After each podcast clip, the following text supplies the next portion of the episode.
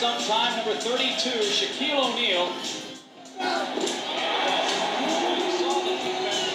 שקיל אוניל הוא השחקן הגדול בכל הזמנים של אורלנדו מג'יק, אבל אחרי ארבע עונות אדירות בפלורידה, הבעלים של הקבוצה לא חשבו ככה. כששק דרש חוזה של יותר מ-100 מיליון דולר, בסדר גודל של כוכבים בני גילו, הנהלת המג'יק הציעה לו 54 מיליון דולר. עבור בעלי הקבוצה, משפחת דה ווס, אחת המשפחות העשירות בעולם, זה היה בלתי נתפס שהם צריכים לשלם יותר מ-100 מיליון דולר לצעיר שחור בן 24. שקיל רצה להישאר באורלנדו, אבל היחס כלפיו מהבעלים במהלך המשא ומתן עורר גיחוך וכעס. כשסבתו, אודסה צ'מבליז, מתה, הלווייתה נערכה ביום חמישי, כאשר המשחק הבא של אורלנדו התקיים ביום ראשון. שק, שהתקשה להתאושש ממותה של האישה שגידלה אותו, לא תיאם את הגעתו חזרה עם אנשי ההנהלה. אז הבעלים אמרו לסוכנו שהוא לא אמין וילדותי. זה היה מאמץ של הארגון לשים את הילד במקום. אחרי זה לא היה לי חשק לחזור לשחק במג'יק יותר, גילה שנים אחרי. למרות היחס ואחרי משא ומתן של יותר מארבעה חודשים, ההצעה הגיעה ליותר מ-115 מיליון דולר לשבע שנים. אך אז הגיע הקש ששבר את קו הגמל, הגמל שק. בקיץ 1996 העיתון המקומי אורלנדו סנטנל ערך סקר בקרב קוראיו עם השאלה הפשוטה, האם שקיל אוניל שווה 115 מיליון דולר לשבע שנים? 5,111 קוראים התקשרו לעיתון, כך זה היה פעם, וענו על הסקר. 91.3 אחוזים אמרו לא. לפי הסופר ג'ף פרלמן, אוניל ראה את הכותרת בזמן שהיה עם נבחרת ארה"ב בהכנות לאולימפיאדת אטלנטה 1996. הוא זעם. צ'ארלס ברקלי, חברו לנבחרת, חימם. אתה מביא תהילת עולם לעיריית הרדנקס הזאת, וזה מה שהם חושבים עליך? צא משם כמה שיותר מהר. וכך היה. Simple economic theory, if there is demand for a product, the price of the product goes up. If a bidding war ensues, the price of the product goes way, way up. And that brings us to Shaquille O'Neal. Orlando wants him, the Lakers want him. The Tampa Tribune reports that Shaq turned down a seven-year, $119 million deal from the Magic, and ESPN has learned that the Lakers can now offer Shaq over 120 million bucks.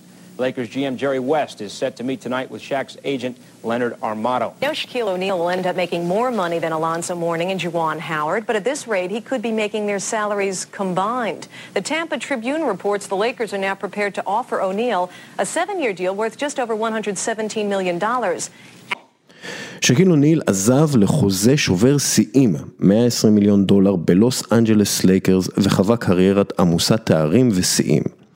מספר שנים אחרי סאגת החוזה שאלו את קוראי אורלנדו סנטנל אם הם שמחים עבור שקיל אוניל. חלקם אמרו שהעזיבה שלו רק הוכיחה את חדלות האישים של ההנהלה, רבים טענו שהוא בוגד ושלא אכפת להם ממי ששונא אותם. זו ממש לא הפעם האחרונה ששחקן עוזב מקום שלא עושה לו טוב ומקבל את הכינוי בוגד.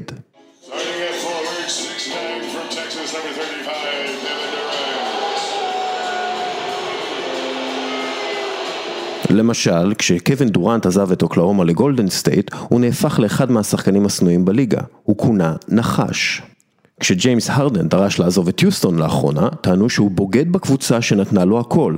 מעטים דיברו על כך שהוא חתם לטווח הארוך עם franchise, שתוך כדי החוזה שלו הבעלות השתנתה ביחד עם כל ההיררכיה הניהולית והמקצועית. אנחנו נמצאים לקראת סוף עונת העברות השחקנים ב-NBA והמשמעות היא שבקרוב מאוד נראה כותרות גדולות על העברות שחקנים ודיונים פומביים על עתידם של חלק מהשחקנים בעלי השכר הגבוה בליגה. אחד מהם הוא אנדרה דרמונד, שזוכה לשכר של 28 מיליון דולר בקליבלנד קוולירס, שמעוניינת להיפטר ממנו ולכן מקפיאה אותו עד שיעשו עליו טרייד. תזכורת, ב-NBA יש תקרת שכר ותקרת יוקרה שמעבר אליה הקבוצות משלמות מס יוקרה לקבוצות הליגה שלא עברו את תקרת השכר. המשמעות היא שחוזים גדולים יכולים לגרום לבעלים של קבוצה להוציא כסף מהכיס שלו ולתת ליריביו. ולכן מקום מתחת לתקרת השכר, slash תקרת היוקרה, הוא לעיתים נכס יותר משמעותי לקבוצה מאשר, מאשר שחקן שקולע, לוקח ריבאונדים ומשחק הגנה. לדריימונד גרין, הכוכב של גולדן סטייט ווריורס, היה מה לומר על זה. Um, I would like to talk about something that's really bothering me, and uh, it's the treatment of players in this league.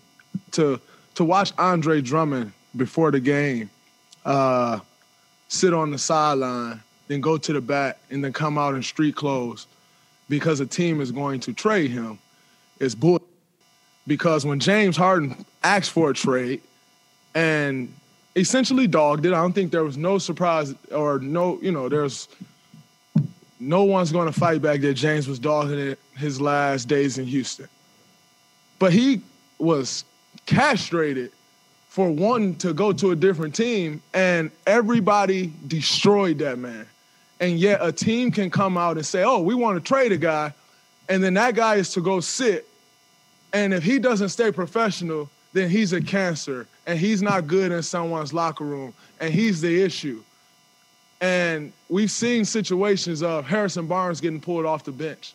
You know, DeMarcus Cousins finding out that he's traded in an interview after the All-Star game. And we continue to let this happen. But I got fined for stating my opinion of what I thought should happen with another player. But teams can come out and continue to say, oh, we're trading guys, we're not playing you. מה שגרין אומר בעצם זה שקבוצות יכולות להתנהג בצורה מסוימת ואם שחקן מתנהג באותה צורה בדיוק, הוא נענש על זה. ולא רק שהוא נענש על זה, נכנסים בו, קוראים לו סרטן, אומרים שהוא בוגד. אלה תהיות טובות מאוד שמעלה גרין שהוא חלק מאיגוד השחקנים מהחזקים בספורט העולמי, איגוד שמגן על אינטרסים של העובדים בצורה עיקשת וטובה מול 30 בעלים מיליארדרים וייצר איתם דרך הסכם קיבוצי ליגה רווחית שעובדת עבור העלאת השווי, ההון והערך של כולם. ועדיין כדורסלן יכול לקרוא בטוויטר על כך שמעבירים אותו לעיר חדשה ואין לו מה לומר בנושא. אבל השאלה הגדולה של גרין היא בעצם למה הרבה מהאוהדים, רובם אנשים עובדים ולא בעלי עסקים, מעדיפים את המעסיקים על פני העובדים. גם אם לא מכניסים לחישוב את העניין האתני של רוב השחקנים ועניין האהדה לקבוצה מסוימת, נראה שגם התקשורת וגם האוהדים הניטרליים כמעט תמיד יבינו את עמדת המועדון.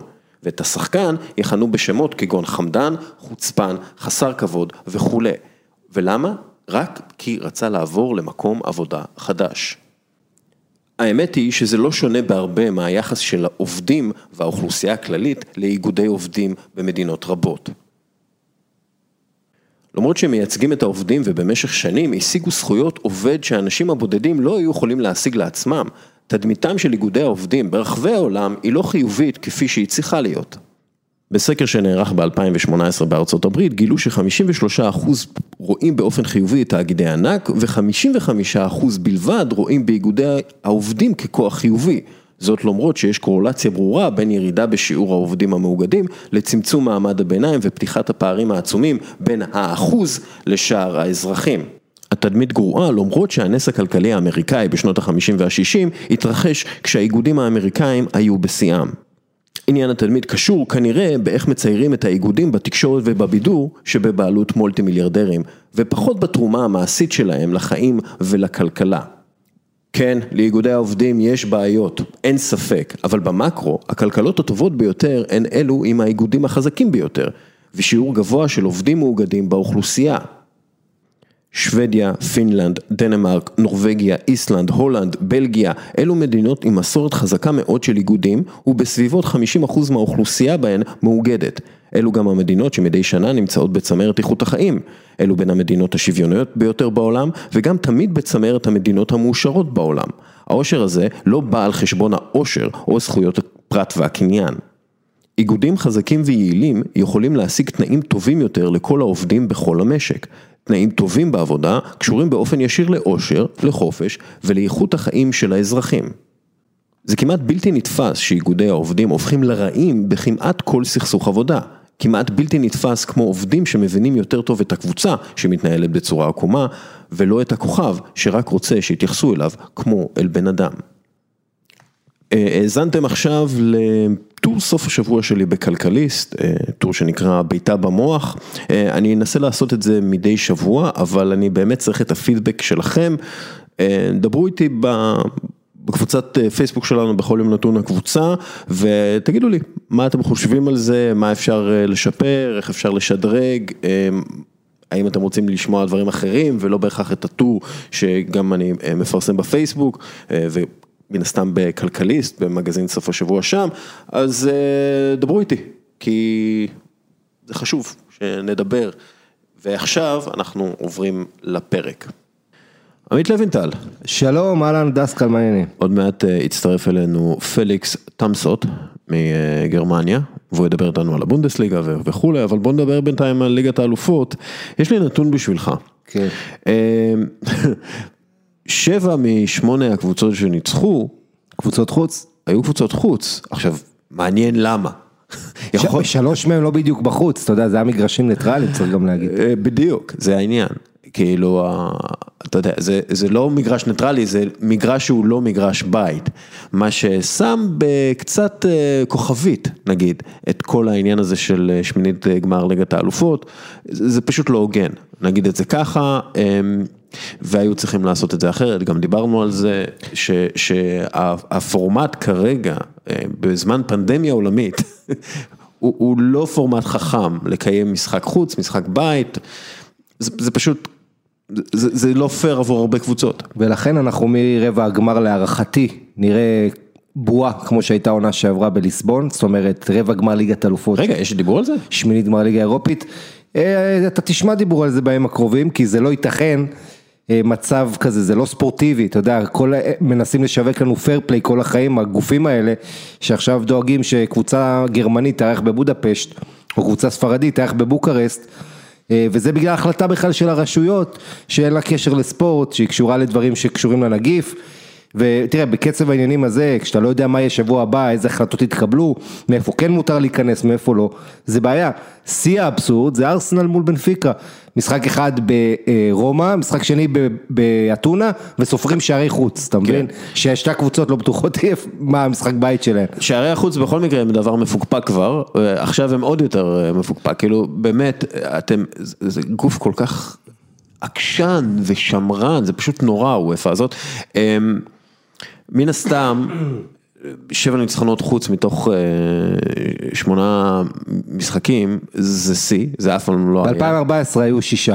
ניצחונות, שישה כן. ניצחונות חוץ, צריך להגיד, אתה יודע, זה קבוצות שבעצם סיימו ראש בית, זאת אומרת הפייבוריטיות, אז אולי זה לא מפתיע זה שרובן ביתרון, אבל העובדה היא שכולן ניצחו חוץ מפורטו דווקא. ואנחנו גם רואים שוב. ואנחנו שוב רואים את העניין הזה של יתרון ביתיות. זה, זה, יש בזה יתרון, אין מה לעשות, זה, זה יתרון, כשאתה משחק בבית שלך, עם אוהדים, עם קהל, יש בזה יתרון, זה, שוב, המחקרים מראים את זה, מוכיחים את זה, ואנחנו רואים את זה גם בתוצאות, מה שנקרא במדד ה-W, במדד הניצחונות אה, האהוב, אה, הקבוצות שהגיעו למשחקי חוץ כביכול, שהם לא משחקי חוץ בשום צורה, חוץ מהטיסה, ניצחו.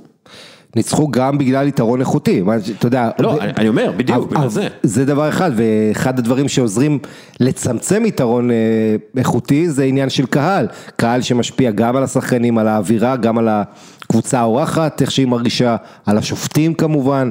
אה, אתה יודע, היה מחקר שאני ציטטתי ביום שני האחרון, איך למשל כמות העבירות של קבוצות החוץ יורדת משתיים לאחד וחצי. אתה אומר אולי זה לא משמעותי, זה מאוד משמעותי. אתה מדבר פה על עוד צהובים, אתה מדבר פה על אה, איך ששחקנים מגיבים בגלל שריקות גם. יש פה, אה, אתה יודע, בעצם אובדן של יתרון הביתיות, בוא נגיד ככה. ובתבנית הזאת שאין קהל ממילא, שגם ככה כולם בסכנת הד- הדבקה או הידבקות כל הזמן, אז אנחנו צריכים אה, ללכת לפורמט של משחק אחד כרגע. אה, זה כורח הנסיבות, בשביל ה- לפחות שיהיה ערך ספורטיבי, אה, הם יאבדו מזה הכנסות, יש יותר סיכוי למקריות במשחק אחד, יש לזה כן את הדאונסייד של זה, אבל אני, זה, אני, זה באמת, מה שיקרה. אני, אני באמת לא חושב שבטווח הארוך זה יגרום לאובדן הכנסות, גם דיברנו על זה, אני חושב שמשחק אחד עדיף מבחינת הרייטינג ומבחינת העניין שהוא יוצר באוכלוסייה הכללית, לא רק לאוהדים, באוכלוסייה הכללית, הרבה יותר אנשים ירצו לראות משחק אחד מאשר שני משחקים, כי הרבה פעמים זה גם, השני משחקים האלה זה קצת מסטיק. נכון, הרבה פעמים ההתמודדות נגמרת במשחק הראשון, תראה את פריס סן ז'ן ברסה, כולם בנו על הגומלין ועכשיו הגומלין הוא לפרוטוקול, אבל צריך להגיד את הצד השני, כל העניין של הכנסות, אה, גם העניין של לשחק מול הקהל שלך, כי לא כולם בליברפול יכולים לנסוע בכל מקום באירופה והרבה יותר נוח להם שזה באנפילד למשל. אז גם לשחק מול הקהל שלך, אה, עם האלמנט של מה הבית שלך שווה, כמה האיצטדיון שלך מיתולוגי ביתי, אה, וכמובן הכנסה מיום אה, של משחק, כן, כל המכירת כרטיסים, שיווק, אה, הדוכנים מחוץ לאצטדיון, כל הדברים האלה, צריך לקחת אותם בחשבון, כי אתה פוגע פה הרבה בתעשיות מקומיות בשביל השוק הגלובלי. בגלל זה אה, אתה יכול להעביר למשחק אחד, רק אם אתה מגדיל את מספר המשחקים בשלב הבתים. דרך אגב, על זה מדברים כן. בדיוק. כאילו או, מדברים- ואתה יכול גם לעשות נוקאוט משחק אחד שהקבוצה בכירה יותר, זאת שסיימה נגיד ראשונה מול ה-16, אז זה היתרון שהיא מרוויחה זה היא מארחת אצלה בבית, המשחק בדיוק, האחד. בדיוק, זה, זה אני חושב שזה הפתרון הספורטיבי והכלכלי הטוב ביותר. אה, מה אתה אומר על מנצ'סטר סיטי? היא כרגע נראית כמו הקבוצה הכי טובה בעולם.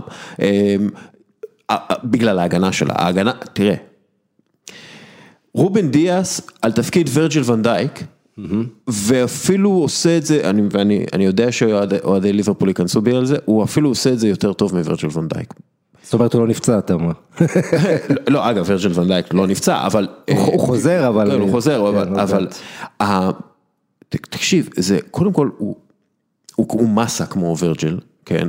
הוא פשוט מרגיע את כל, את כל השטח. הוא פשוט מגיע, יש מפקד, ב, יש מפקד ב, בהגנה, והוא מנהל את המשחק, גם את משחק המסירות וגם את, ה, את המשחק ההגנה.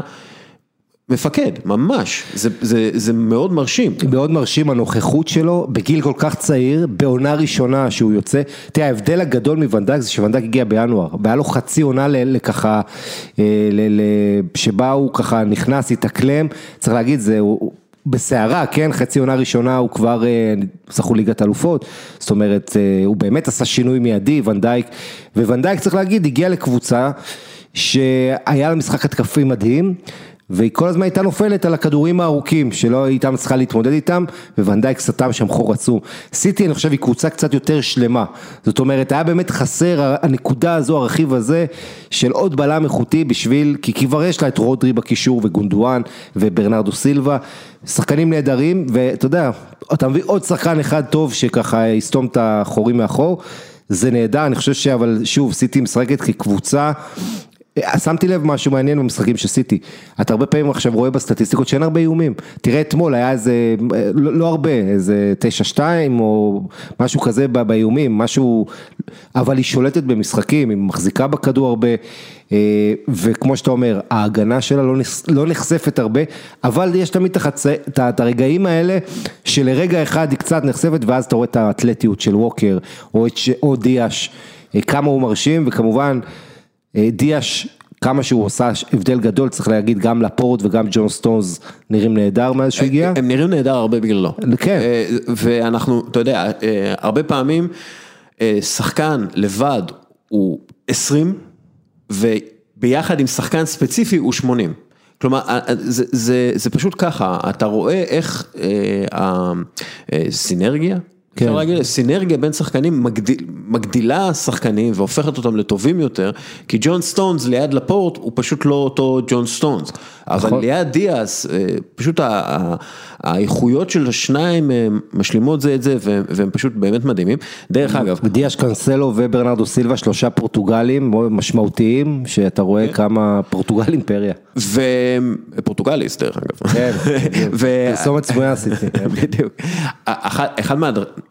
אני גם, אה, לפני המשחק, שאלו את, את פפ גורדיולה, מה הסוד שלך, או אתה יודע, למה אתם כל כך טובים? אז הוא אומר, יש לנו הרבה כסף ואנחנו רוכשים שחקנים מאוד טובים, מן הסתם, אתה יודע, זה היה קצת אה, עקיצה כלפי הטרולים, שאומרים כן. שהוא מצליח רק עם כסף וכולי. דר- אה, ואז, ואז הוא בעצם הסביר, הוא אמר, תשמעו, זה נכון, אני, אנחנו רוכשים שחקנים מאוד מאוד טובים, בהרבה מאוד כסף, אין, אין בזה שום בעיה.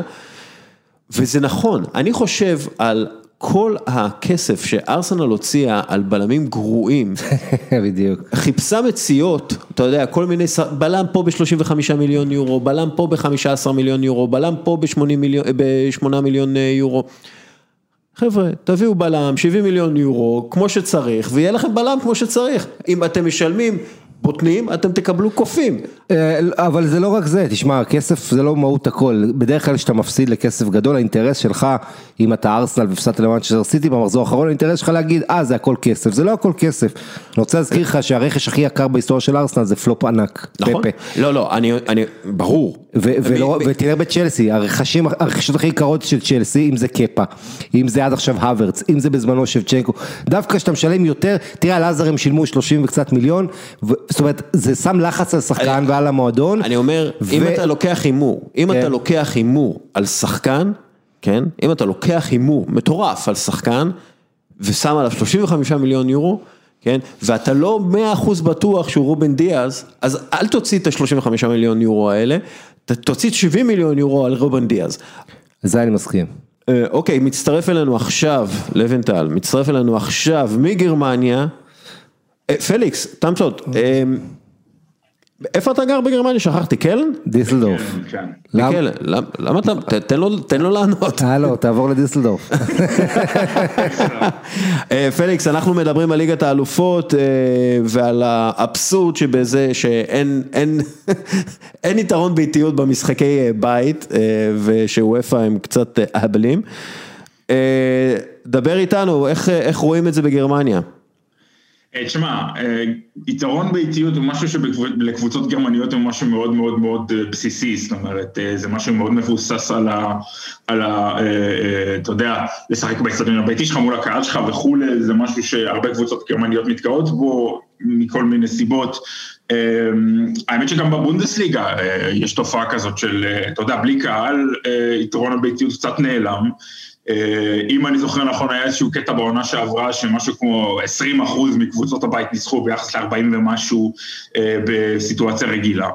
אה, זה משהו שקבוצות גרמניות מרגישות שזה דופק אותם, אבל זה לא שהם, אתה יודע, האלטרנטיבה היא לא לשחק, אז ככה הן רואות את זה.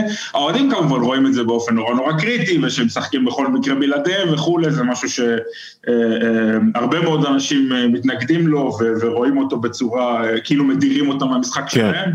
אה, אבל, אבל אה, אתה יודע, לוקחים את זה כאילו אין ברירה אחרת, זה ה vibe שאני מקבל מקבוצות פה מקרה. כן. אגב, ו- ומה מה אומרים בגרמניה על מנצ'סטר סיטי? מתרשמים מ- מפפ גורדיולה? אני ראיתי כבר ציוצים שאומרים, אנחנו רוצים ביירן מינכן נגד מנצ'סטר סיטי בגמר, בציוצים בגרמנית. כן, שמע, אני חושב שכל אירופה מתרשמת מנצ'סטר סיטי, לא רק, אה, לא רק בגרמניה, אבל גם בגרמניה אה, אה, מקבלים, אתה יודע, מחזיקים מאוד ממנצ'סטר סיטי של גוארדיולה, אני חושב שזה חייב לסייג ולהגיד שגלדבך של התקופה האחרונה היא לא בדיוק היריבה שפפ גוארדיולה, אה, שתאתגר את מנצ'סטר סיטי של פפ גוארדיולה עם המשבר שיש להם בזמן האחרון, אה, רוזה כמובן עוזב לדורטמונד המאמן שלהם, אה, ומאז שהוא הכריז את זה אה, יש בלאגן שלם בגלדבך, יש שמועות ששחקנים יוצאים עליו ושאוהדים רוצים שהוא יעזוב. עכשיו, סלט שלם הוא בעצם במידה כזו או אחרת בעצם, אה, יש כאלה שטוענים שהוא בעצם השמיט להם את העונה עכשיו, סיכויים לעלות לליגת האלופות ירדו, אה, כך שאני לא בטוח שהמשחק אה, אה, מול אה, גלדבך הוא איזושהי אמת מידה, אבל כן, בהחלט, זאת אומרת, אנשים פה חושבים שמנצ'סטר סיטי היא, היא, היא בהחלט הקבוצה לאתגר את ביירן, מה שאגב מצחיק, כי ביירן בבונדסליגה לא איי איי איי בזמן האחרון, אה, אבל, אבל כן. חזרו, חזרו מקטאר עם קצת hangover, למרות שאסור לשתות בקטאר, לא?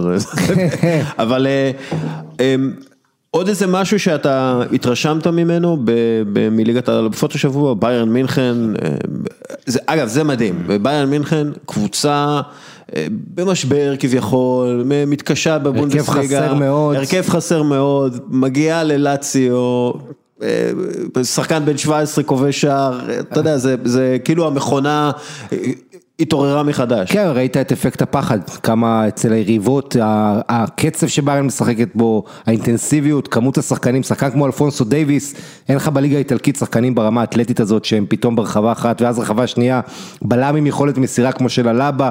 אה, ביירן מינכן מציבה בפני קבוצות אתגרים שהן לא רגילות לעמוד בהם, כל קבוצה.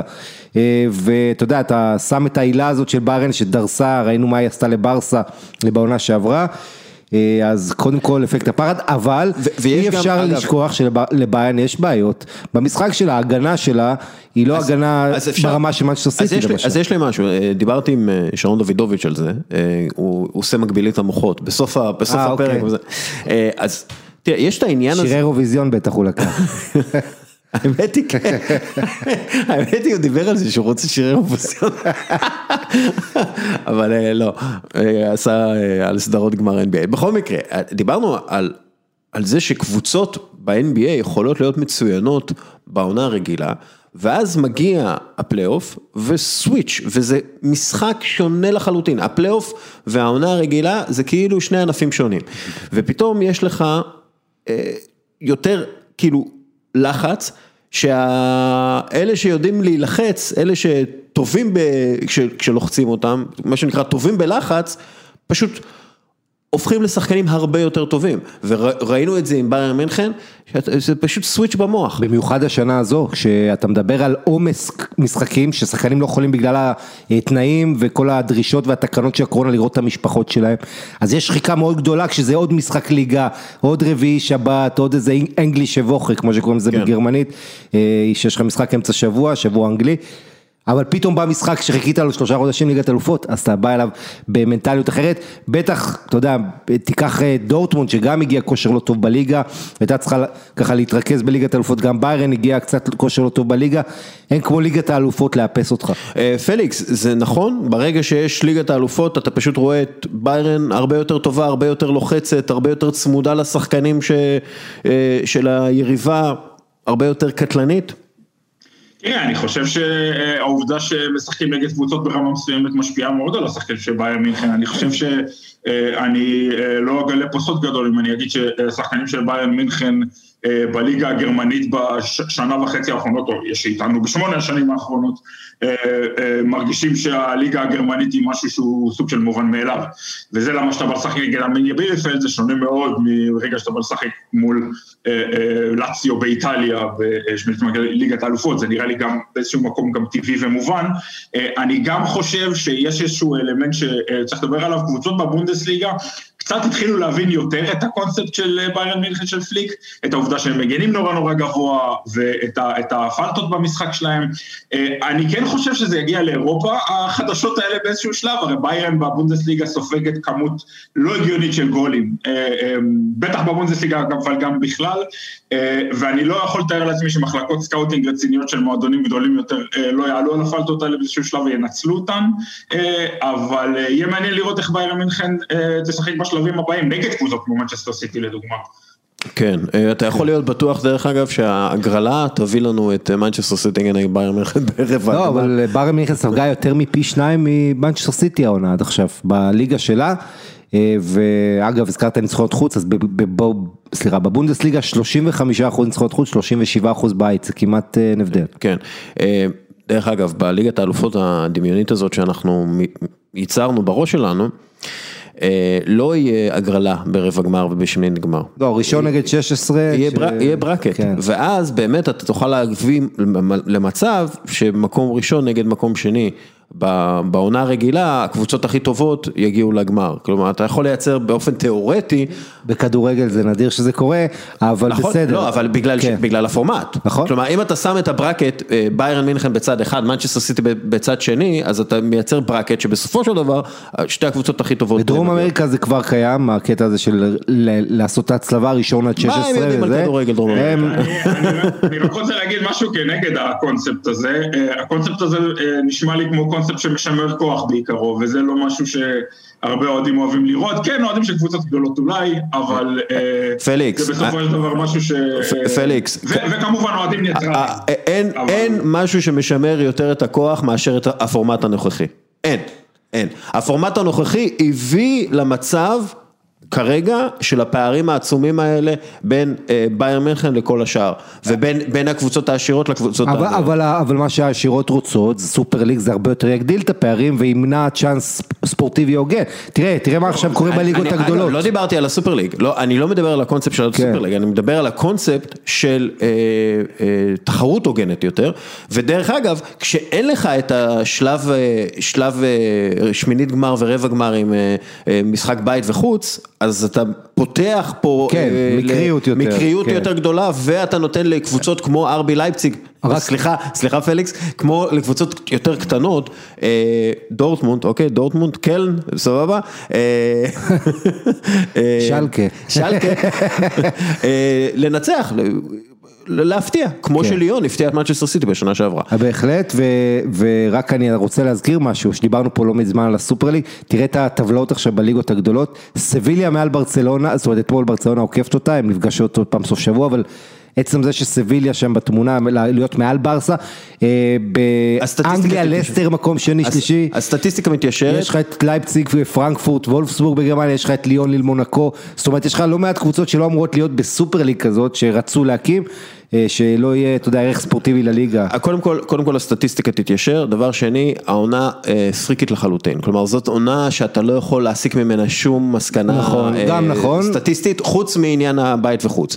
אה, זה, זה, זה פשוט ככה, כי אנחנו מסתכלים על המגמות, מהמגמות ב-15 שנה האחרונות, המגמות מאוד ברורות, הפערים מאוד גדולים, אה, ובאנגליה, דרך אגב, המקום היחיד שבו איכשהו הצליחו לשמור על פער סביר בין המקום הראשון למקום העשירי, אני מדבר מבחינה כלכלית, באנגליה אה, אתה, יש לך בעצם את התשתית שעליה אתה יכול לבנות לסטר וווסטהאם. נכון, ו- יש משקיעים, וולפס, יש אתה יודע, משקיעים, יש הרבה יש הרבה כסף. כסף שמחולק בצורה שוויונית מהזכויות שידור, אה, ולכן אה, ברגע שקצת אה, טוטנאם. או ארסנל, ברגע שקצת טוטנאם או ארסנל או צ'לסי מחליקות, יהיה לך קבוצה שתחליף אותם.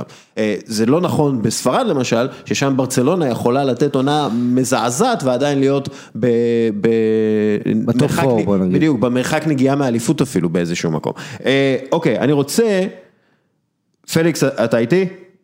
אכ- אכן. אוקיי, אחלה. אז אה, הבאנו אותך לדבר אה, על עניינים, סיימנו את הדיבור על ליגת האלופות. יאללה, כדורגל. גרמני. יאללה, כדורגל גרמני, יאללה. אני רוצה להתחיל את הדיון בזווית אה, תיאורטית מקצועית. אה, המספרים של ארלינג הלנד והולנד, סליחה, וג'יידון סנצ'ו הם באמת מדהימים, הם שוברים שיאים וכולי, אבל ייתכן מאוד שהבונדסליגה, בגלל שהיא ליגה מאוד התקפית, אה, קצת מרמה במובן הזה. אני, אני אומר, תראו מה טימו ורנר אומר השבוע לקיקר, או שבוע שעבר, סליחה. בחודשים הראשונים באנגליה ירדתי חזרה לקרקע. השחקנים כאן מטר תשעים, פיזיים, ברוטליים וממש מהירים, כולל שחקני ההגנה. אה, לדעתי, כן, היתרון הגדול של אה, ורנר בגרמניה היה המהירות והכוח, והוא מן הסתם קצת מאבד את היתרון הזה באנגליה, ואז אתה, הוא, הוא הוא צריך להיות, להסתמך יותר על הטכניקה שלו, ואני לא בטוח שטכנית הוא הרבה יותר טוב מהשחקנים הבכירים האחרים באנגליה.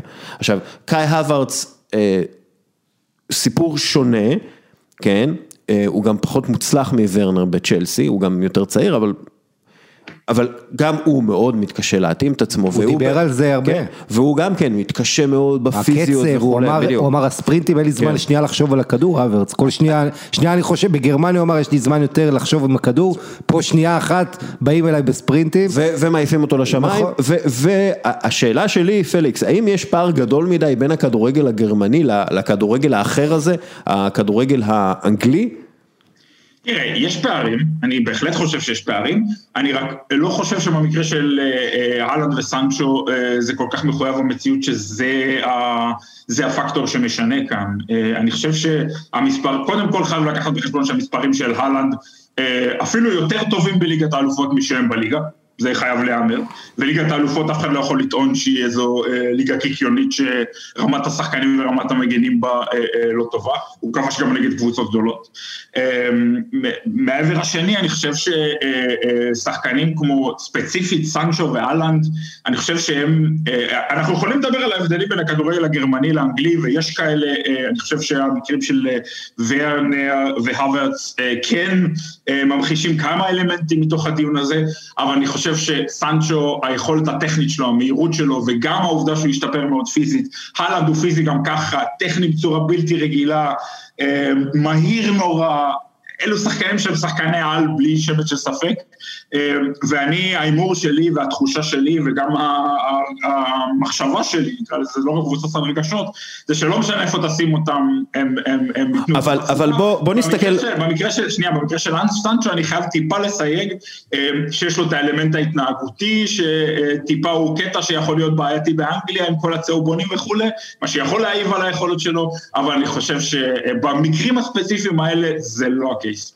אה, אוקיי, אה, אה, אני רוצה להפנות את זה עכשיו ל- ללוינטל, כן. העניין המקצועי, אוקיי, כאילו, אוקיי, המעבר בין הבונדסליגה לליגה אחרת. אה, הוא לא פשוט, כי באמת בבונדסליגה יש סגנון כדורגל מאוד מובהק לבונדסליגה, שמנפח מספרים ודיברנו על זה, אבל עכשיו תסתכל למשל על אה, תיאגו על, על קנטרה ב, ב, ליברפול. בליברפול. אוקיי, הוא לא שיחק משחק אחד בקישור עם אה, פביניו והנדרסון, מה שהוא היה אמור לעשות. מאז, מאז אוקטובר, כלומר מאז, מאז המשחק הראשון שלו בעצם הוא לא שיחק כן. עם הנדרסון ו, ופביניו ויורגן קלופ רצה לבנות את הקישור שלו סביב השלישייה הזאת ו, וזה לא יצא לפועל וזה אחת מהסיבות שליברפול אה, במצב אה, קטסטרופלי כזה. ו- ועדיין, עם כל ההנחות האלה, תיאגו הרבה פעמים נראה כמו דג מחוץ למים בפרמייר ליג, בטח כשאתה משווה אותו לתקופה שלו בביירן מינכן. עכשיו, קריסטיאן פוליסיק, שלט בבונדסליגה בשנים מסוימות, ממש לא מבריק בצ'לסי, מדי פעם אה, הברקות, אם הולכים אחורה עוד יותר. לך לאוסמן דמבלה. כן, אם הולכים אחורה, סליחה, אם הולכים אה, מקביל, אה, לוקה יוביץ' בריאל מדריד, כלום, כן, בפרנקפורט תוך שתי דקות הוא משלים את כל השערים שהוא כבש בריאל מדריד, אה, אם הולכים אחורה יותר, אז שינג'י קגאווה כן. אה, היה כוכב בדורטמונד, הגיע לאנגליה וזה כלום, אה, הנריק מחטריאן, אותו דבר, ו- וטוני קרוס אמר לאחרונה על דוד אלבה, ש... הוא, הוא כאילו, הוא אמור להצטרף לריאל מדריד, דוד אלבה, אז הוא אומר, דוד אלבה הוא בעל האיכות הגבוהה להיות בריאל מדריד, אבל האיכות אינה מס- מספקת. כאן אתה צריך להיות עם נוכחות פיזית, ואתה צריך שהראש יישאר במקום כשהדברים לא עובדים כמו שצריך, אתה צריך יותר מאיכות. ושוב, טוני קרוס מכיר את דוד אלבה, אתה יודע, הם, אה, הם, אה, הם, הם גדלו בערך באותו מקום, בבייר מינכן, הם די, די מקבילים, לא בגיל, אבל אה, הם כאילו מכירים אחד את השני. העניין הוא, העניין הוא שהוא אומר פה איזה משהו, דוד אלבה יכול להיות בלם טוב בליגה הגרמנית. אני לא בטוח לגבי הליגה הספרדית, וכי... זה, כן. זה, מעניין, כאילו השאלה אם באמת הבונדסליגה זה סוג של, אה, המספרים זה עם סוג של כוכבית כמו בנגיד, בדומה לליגה ההולנדית. זה כדורגל שונה, ואני מיד אפרט, אבל אני רוצה לה- להתחיל ולהגיד שה, שהליגה שהכי הרשימה עונה בליגת האלופות זה הבונדסליגה. ואני לא מדבר על העונה שעברה שביירן זכתה ולייפציג הייתה בחצי הגמר, אני מדבר על העונה הזאת, שהיו לך ארבע עולות לנוקאוט, כולל לייפציג שהעיפה את מנצ'סטר יונייטד, אה, כולל גלדבך שהעיפה את אינטר. ותראה מה היה לך גם בשמינית הגמר, אה, סביליה, קבוצה שנמצאת בכושר מהטובות באירופה, מבחינת כושר משחק, חוטפת בבית מדורטמונד, שנמצאת לא בכושר בגרמניה, ביירן מינכן, כמו שפליקס הזכיר, בליגה לא הולך לה, באירופה כן, זה אומר ש... אה, אתה יודע, לא בהכרח אנחנו מדברים פה על רמות, כי הרמה בבונדסליגה מאוד גבוהה, אבל זו רמת אימון, ויש פה, אני רוצה לשים את האצבע על כמה דברים, דבר ראשון, עניין תרבותי.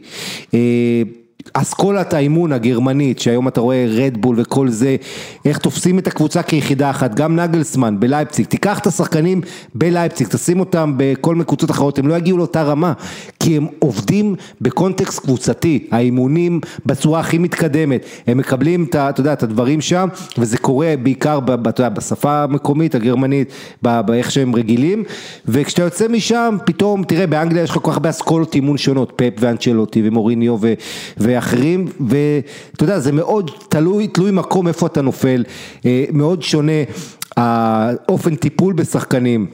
הוא, הוא אחרת, ואני חושב שמאמנים בבונדסליגה בקטע של מיצוי פוטנציאל, הם הטובים היום ביבשת. אה, אם אני צריך ככה להסתכל על כל הליגות, אני חושב שמספר אחת בגרמניה אולי. אה, יש בגרמניה לא מעט, אתה יודע, שחקנים מקומיים, שחקנים צעירים, בקטע הזה רק הליגה הגרמנית והליגה הצרפתית הן דומות מבין הליגות הגדולות, כמות הצ'אנסים שהצעירים מקבלים, צריך לזכור גם את זה. אה, אבל שוב, אני מדבר- ו- אני מדבר והעניין של ההגנה, הפילוסופיה של אה, לתת לשחק, של בסדר, אני אספוג אחד ואכבוש שניים, וזה אגב, זה גם קצת סטיגמה, כי קבוצה כמו וולפסבורג מאוד נשענת על ההגנה, היא לא, היא לא סופגת גול המון שעות. יש קבוצות שהן דווקא יותר... קצת שונות בפילוסופיה שלהן, יותר הגנתיות, אבל בסוף כמו שאמרת, זה משהו שכן אתה מוצא שם שטחים שאתה לא מוצא בהכרח בליגות אחרות, אה, והעניין שקבוצות באות לשחק נגד ביירן מינכן, כמו שהיה בספרד עד לפני עשור, שבאו לשחק נגד הגדולות והיו חטפות בראש הקבוצות הקטנות, אז בגרמניה זה ככה עדיין, וההצעה הטובה של זה שאתה מקבל לפעמים דיסלדורף עושה 3-3 במינכן, או העונה הזאת אה, בילפלד עושה 3-3 עם ביירן, הצד השני שאתה רואה את התבוסות וביירן מה לעשות היא באמת מכונה מפחידה. אמ, פליקס, זה, זה יכול להיות שזה לא הבדלים ברמה, שזה פשוט הבדלים במשחק, בבונדסליגה משחקים כדורגל אחר. אני בהחלט חושב שיש הבדלים מאוד משמעותיים בין אה, סוג הכדורגל שמשחקים בקבוצות בונדסליגה מסוימות, בטח אלה שמשם מגיעים שחקנים לליגות כמו הפרמייר ליג וקבוצות כמו ריאל מדריד או ברצלונה. אה, אני כן חושב שיש דוגמאות אה, לצד השני ששווה להזכיר אותן. גונדואן, פירמינו, מה מה? תתחיל עם גונדואן, שחקן העונה בפרמייר ליג. אחרי, אחרי כמה לדוגמה, שנים במנצ'סטר סיטי. פירמינו זה עוד שחקן כזה, אה, לא חסרות דוגמאות גם לצד השני, כך שאני לא בטוח שמדובר באמת במגמה ששחקנים מהבונדסליגה נכשלים בכל מקום אחר. לא, לפחות, כן שנייה, שנייה, ששחקן- אני, אני לא אומר שהם נכשלים ב- ב- לטווח הארוך, אני אומר שהעונה הראשונה בדרך כלל היא עונה מאכזבת, ואנחנו רואים ירידה ל- לסטטיסטיקות שאמורות להיות להם אה, ב- אבל האם זה לא במציאות. בסופו של דבר טבעי כששחקן עוזב אה, מדינה שהוא גר בה כמה שנים למדינה אחרת, יש, זה נראה לי רק אך טבעי. אה, אני כן חושב שיש הבדלים מסוימים שאחד מהם באמת, אה, כמו שעמית אמר, יש בהרבה מאוד קבוצות בפונדסליגה דגש על הקולקטיב ופחות על האינדיבידואל. אה, וזה בהחלט משנה כשאתה עובר לקבוצה, בטח לקבוצת, אה, לקבוצת, אה, לקבוצה גדולה בפרמייר ליג, איפה שאתה יודע, בסופו של דבר הסופרסטארים הם חלק בלתי נפרד גם מעניינים כמו שיווק וכולי, כך שיש להם סיבה גם מקצועית וגם כלכלית לטפח את הדברים האלה, מה שבגרמניה הוא פחות המקרה. יש כל מיני אלמנטים שבאמת משנים, האווירה באופן כללי סביב הקבוצות היא אחרת לגמרי, ממצב שאתה נמצא בסיטואציה רגילה ובלי קורונה כמובן, ממצב שאתה בא, בא, לי, בא במגע ישיר עם אוהד, הרי בגרמניה אימונים הם בסופו של דבר פתוחים, אתה יכול לבוא ולראות אימונים של כמעט כל, כל קבוצה, כולל הגדולות, אם אתה פשוט נמצא במינכן או בדורטמונד, כן? כן. אה, פתאום אתה הופך לאיזושהי, אה, אתה נכנס לאיזושהי בועה מרוחקת מהכל וכולי.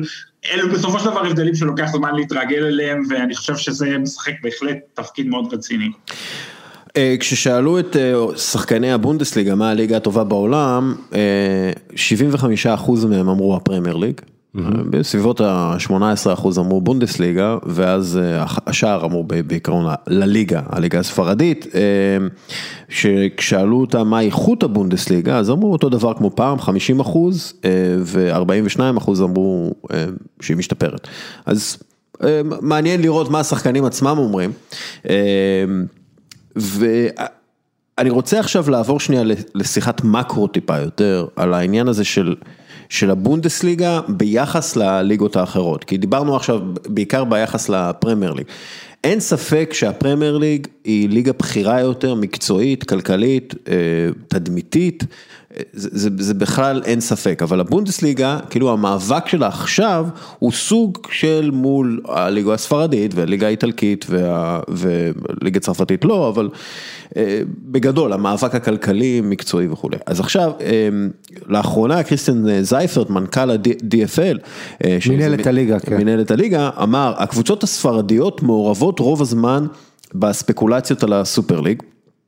האמת האכזרית היא שחלק מהמועדונים שמכנים את עצמם super clubs מנוהלים בצורה גרועה והם בסך הכל מכונות לשריפת מזומנים, אני מת על זה, אה, על הביטוי הזה, הם ישרפו את הכסף מליגת האלופות החדשה כמו שהם שרפו אותו בעשור האחרון.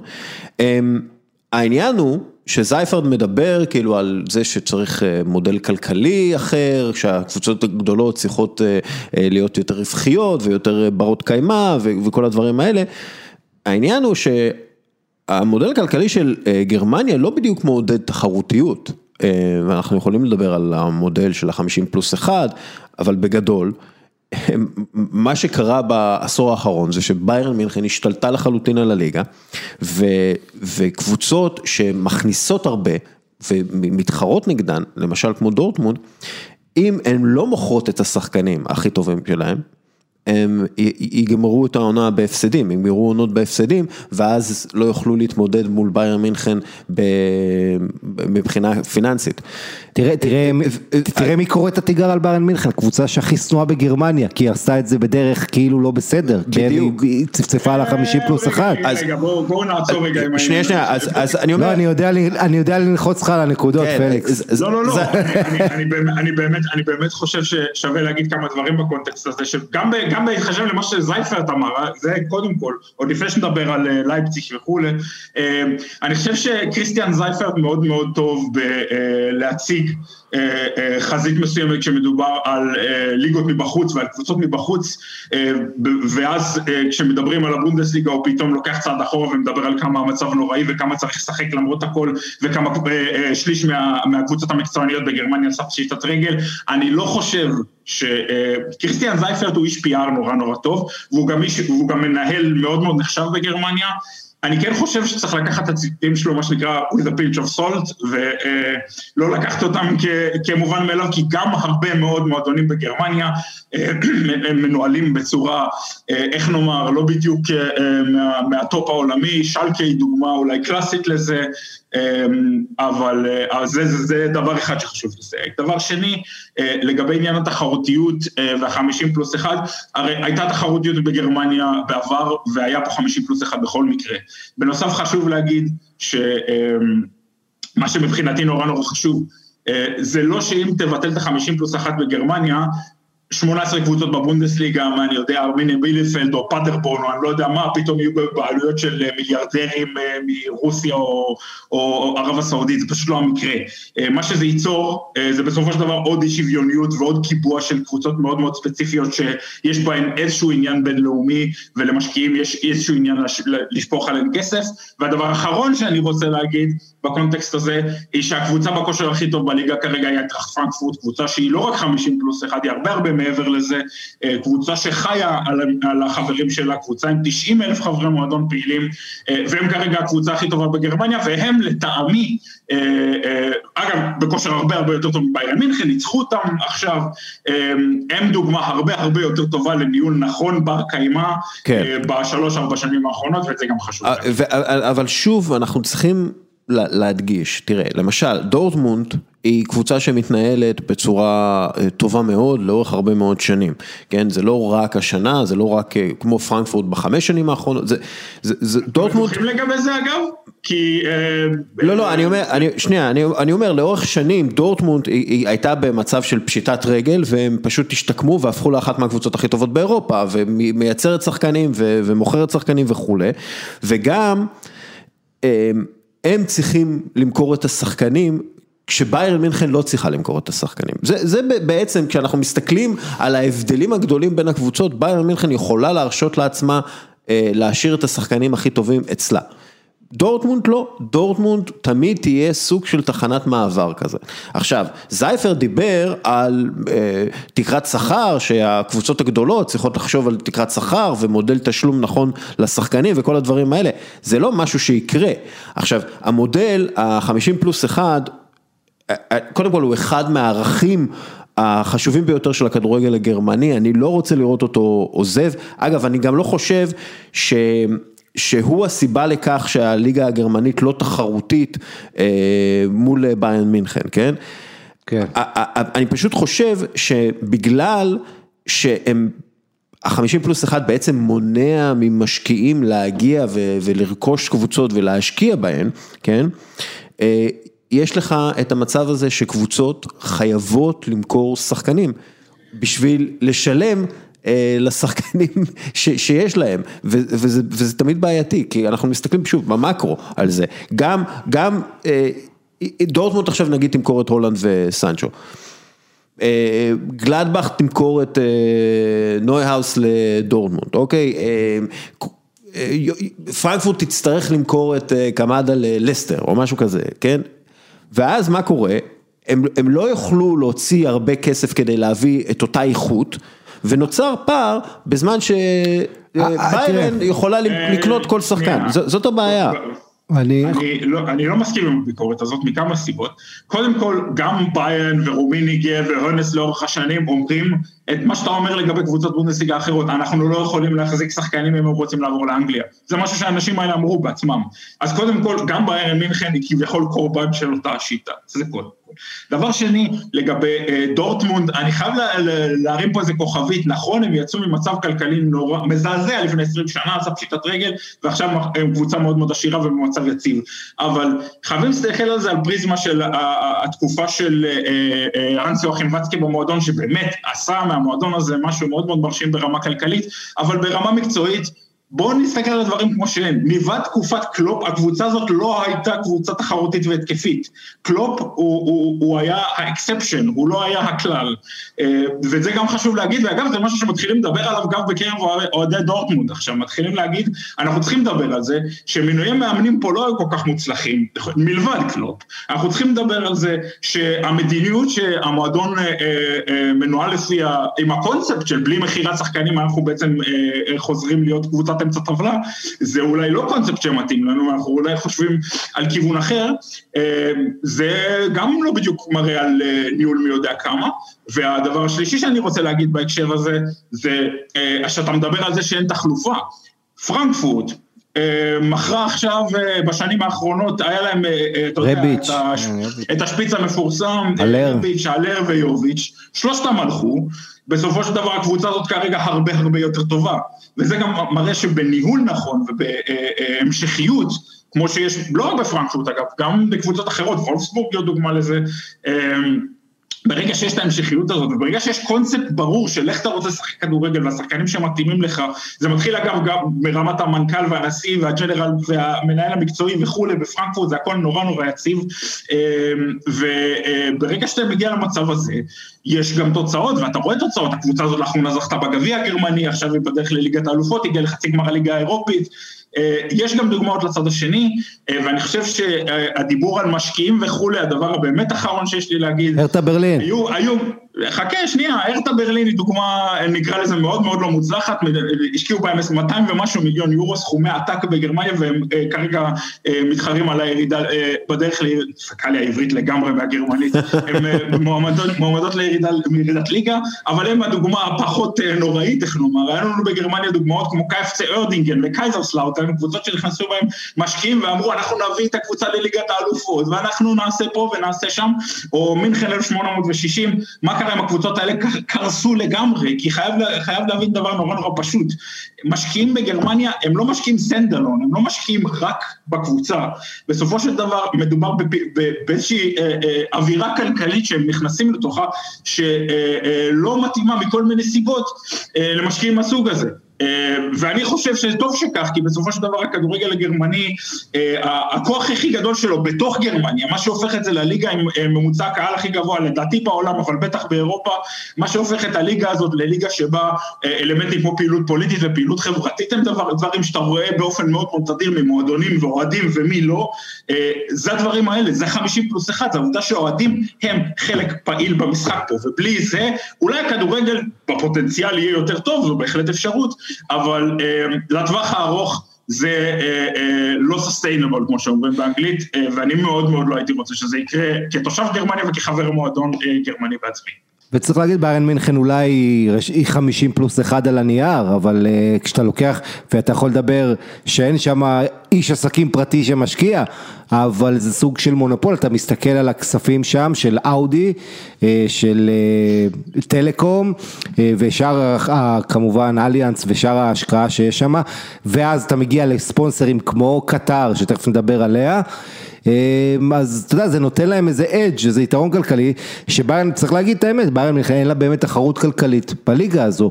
אה, וזה, אתה יודע, מה שאתה דיברת עליו, דסקל, על התחרותיות. שדורטמונד מטפחת שחקנים צעירים ואז מוכרת אותם, והיא כאילו היריבה מספר 2 אה, של אה, ביירן. וביירן מינכן באיזה ספירה משלה והפערים האלה שבעשור האחרון רק הלכו וגדלו, כן סוג של ביצה ותרנגולת, הם הצלחה עם התמיכה מחוץ למגרש שגררה עוד הצלחה אה, על המגרש, אז השילוב הזה זה משהו ש... בעייתי מאוד תחרותית. אה, אגב, אני חושב... ושוב, זה צריך לראות גם ליגות גדולות, זאת אומרת, לנסות לנתח את זה שזה בגרמניה, שבזמן שיו ו- ופריז השתלטו על הליגות שלהן. לא, לא, אני, זה, אני לא חושב שזה בעיה אה, גרמנית. אני, אני חושב שזייפרד מדבר על אה, מודל כלכלי בר קיימא שצריך לקיים בכל אירופה ו, ותקרת שכר וכולי. אני אומר, קודם כל- בגרמניה, את- את- אני, כן. אומר, אני אומר, קודם כל תעשה את זה בבונדסליגה. בוא, בוא תן סיכוי לקבוצות שהן לא ביירן מינכן לזכות באליפות, בוא נראה אם אתה יכול לעשות את זה, אני בספק שהוא יכול לעשות את זה. אתה דבר- לא יכול, כי... יותר מזה, הוא לא יכול. הוא לא יכול, בדיוק. ו- אבל שנייה, רק שנייה, אני, אני חושב גם, אחת, אחת מהבעיות המרכזיות של הכדורגל האירופאי, זה באמת הפערים העצומים האלה שנפתחו. הליגות, פשוט, אה, הפורמט של הליגה הוא מצוין, אבל הליגות לא מעניינות בגלל שאתה בסך הכל יודע מי הולך לזכות באליפות, ואפילו אם יש אה, מרוץ לאליפות, הרבה פעמים זה, אה אוקיי, הם זכו. או כמו שקרה בשנה שעברה באיטליה, שהליגה הייתה כל כך גרועה, יובנטוס ממש... הידרדרה איכשהו לאליפות, ו- ו- ו- ו- ולא משנה מה, כמה היה לאינטר, הם, הם זוכים באליפות. השנה דרך אגב, אינטר ככל הנראה אה, חזקה הרבה יותר. ו- בעמדה טובה. בעמדה טובה, ואנטוניו קונטה פורח כשיש לו רק את הליגה להתמקד בה, הוא עף מהגביע, עף מאירופה, הוא יכול להתמקד רק בליגה, ראינו את זה בצ'לסי, שככה הוא זוכה באליפויות, הגיוני, סביר, אבל גם אינטר, תראה מה קורה עכשיו עם הסינים שם, והמשקיעים הזרים שלהם, והם, ויש דיבור חזק מאוד בסין שאחרי העונה הזאת אין אה, יותר השקעה באינטר, ואז לוקאקו יימכר, ולאוטורו יימכר. לא, לא, או- אינטר, אינטר תימכר בעיקר. או זה- אינטר, זה- לא, אבל אתה, אתה לא יודע, נכון, אינטר תימכר, אבל למי? אז מי- מי- יש, מי- יש את הקונצרן האנגלי הזה, קודם כל זה יהיה כנראה לקרן אה, הון גידור, כל הדברים האלה שעכשיו מאוד פופולריים בעולם ומשתלטים על נכסים, אז אה, יש איזו קבוצה אנגלית כזאת שכבר עשתה ניסיונות לרכוש, הם רוצים 750 מיליון, הם רוצים מיליארד, זה הפערים, אני מאמין שבסוף זה ייסגר. אבל אז מה זה אומר? אז- שקרן, אז- שקרן הון גידור, ש... רק שנייה פליקס, מה זה אומר? שקרן הון גידור, שמטרתה להרוויח כסף, כן? היא, היא לא תחזיק קבוצה שמובילה להפסדים של 100 מיליון, 150 מיליון יורו בכל שנה. הקרן גידור הזאת תצטרך, כמו דורטמונד וכמו קבוצות אחרות, למכור את השחקנים, קודם כל כדי לעמוד בתנאים של הפייר פליי הפיננסי, ודבר שני, לא להפסיד מלא כסף. ואז מה קורה עם התחרות? יובנטוס שוב יכולה, בגלל שיש לה הכנסות הרבה יותר גדולות ותשתית הרבה יותר חזקה מאשר אינטר, יכולה עוד פעם לפתוח את הפער הזה, ואחרי אה, תשע אליפויות רצוף, תשע, כן. תשע, אז הם יפסידו אליפות ואז ייקחו עוד פעם תשע אה, אליפויות בוא, רצוף. בוא, אני לא בטוח, בוא נראה, אתה יודע, כדורגל זה דינמי, אינטר זה גם מועדון מאוד גדול עם הכנסות גדולות שכמובן אפשר בלי- לשפר בלי אותם. מועדון- בלי אין להם אצטדיון משלו. נכון, יש ליובה יתרונות, אני לא אומר שלא. מצד שני, אתה מדבר על אצטדיון הפרטי, אל תשכח יובה האצטדיון שאתה הוא חצי גודל מהסנסירו, אם אתה מדבר על הכנסות יום משחק, מכירות כרטיסים. כן, זה אגב, הגודל, הגודל לא משנה מה שנקרא, הגודל כן משנה. הוא כן משנה, אבל כי לא, ביום אבל- של דרבי מילנזי כן. אתה מכניס שישה שבעה מיליון אבל, יורו. אבל זה כמה אתה מכניס פר כיסא ופר פר מושב ובזה יובנטוס בכלל כן, לא כי רע יש את באמת. המוזיאון ואת כל המסביב, נכון. אבל- אבל אני שנייה, רוצה אבל להזכיר בוא- משהו על הבונדסליגה. בדיוק, בוא נחזור לבונדסליגה. אז הבונדסליגה משלמת דסקל את המשכורות הכי נמוכות פר הכנסות מועדון, בערך 50 אחוז, זה יוצא, כן. אנחנו רואים שזה מגמה באנגליה ובספרד שזה מאוד עולה, אה, אחוז ההוצאה של ה... כן, מההכנסות, אחוז ההוצאה על משכורות, בבונדסליגה הם הכי, מתנהלים הכי נכון במובן הזה.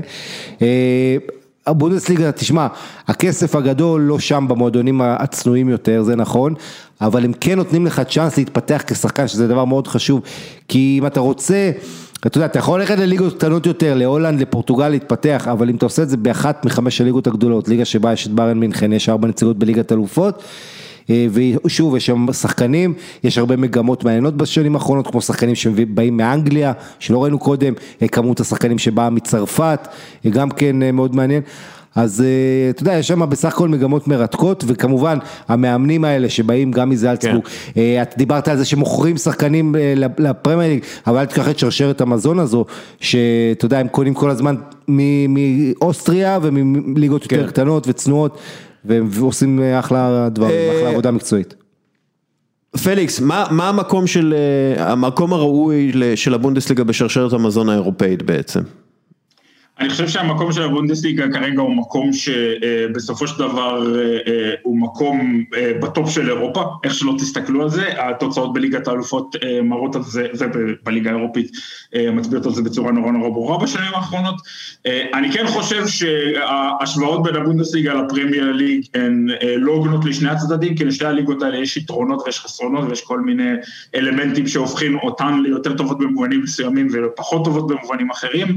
אם מסתכלים כרגע רק על המובן המקצועי, אני חושב שהבונדסליגה כרגע נמצאת במקום בבמה הבינלאומית בכל מקרה, במקום שבתכלס היא כן רוצה להיות בו, מקום שאנחנו ליגה שיש לה אה, איזושהי, איזשהו attraction בינלאומי, איזושהי אטרקציה בינלאומית, איזושהי אהדה בינלאומית גם, אבל אני חושב שאם הזכרת את קריסטיאן זייפרט, אני חושב שגם קריסטיאן זייפרט מבין שהליגה הגרמנית לא תהיה הפרמייר ליג אף פעם, והם גם לא שואפים להיות במקרה כן. הזה, אני אומנם לא בדיוק מחסידיו הגדולים של זייפרט ושל ה-DFL, אבל אני חושב שבמובן הזה הזה הם גם עושים את זה בצדק, הם, הם משווקים את הבונדסליגה באופנים אחרים, אה, וזה גם נוחל אה, אה, לא מעט הצלחה. מילה אחרונה, קוריוז אחרון אולי בהקשר של הדיון הזה, אנחנו מדברים על 50 פלוס 1, כן או לא, ביאן מינכן היא לא, רק. היא לא עובדת על 50 פלוס 1, היא עובדת על 75 פלוס 1, ככה שמה שמראה שהחוק הזה והמעורבות של חברי המועדון במועדון לא סותרת ולפעמים אף אה, עולה בקנה אחד עם ניהול נכון והצלחה מקצועית.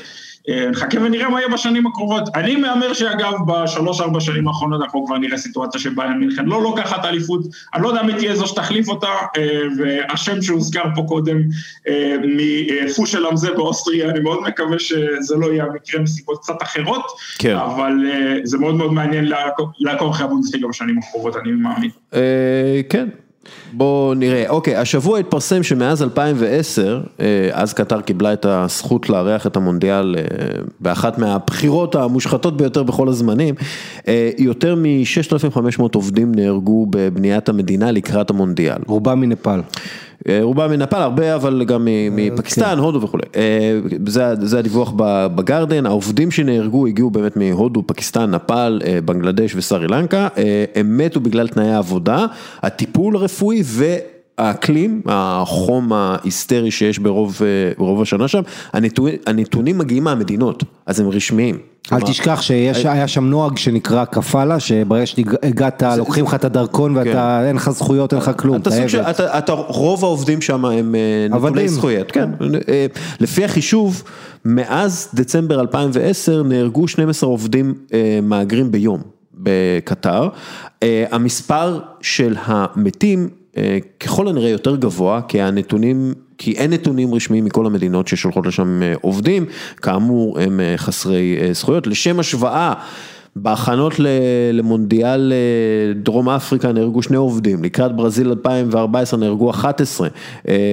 אנחנו לא יודעים מה המספרים לקראת מונדיאל 2018 ברוסיה, אך אנחנו יודעים שלקראת סוצ'י 2014 אה, אולימפיאדת החורף נהרגו בסביבות ה-60 עובדים, ולקראת אולימפיאדת לונדון נהרג עובד אחד, אה, וכך גם אה, לקראת אולימפיאדת החורף בוונקובר 2010. עכשיו אני אגיד לכם משהו, אני... רואה את הדברים האלה וזה, וזה, אני, באמת שאני לא רוצה לראות את המונדיאל הזה בקטר, ואני שוקל מה לעשות בזמן המונדיאל. בכל מקרה, קארל היינץ רומניגה נשאל על שיתוף הפעולה עם קטר, יש שיתוף פעולה גדול מאוד בין קטר לביירן מינכן.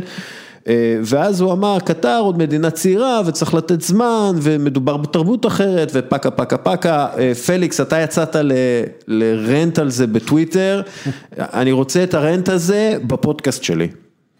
בשמחה רבה, אני מאוד מאוד שמח שאתה מתפרץ על הדלת הפתוחה הזאת.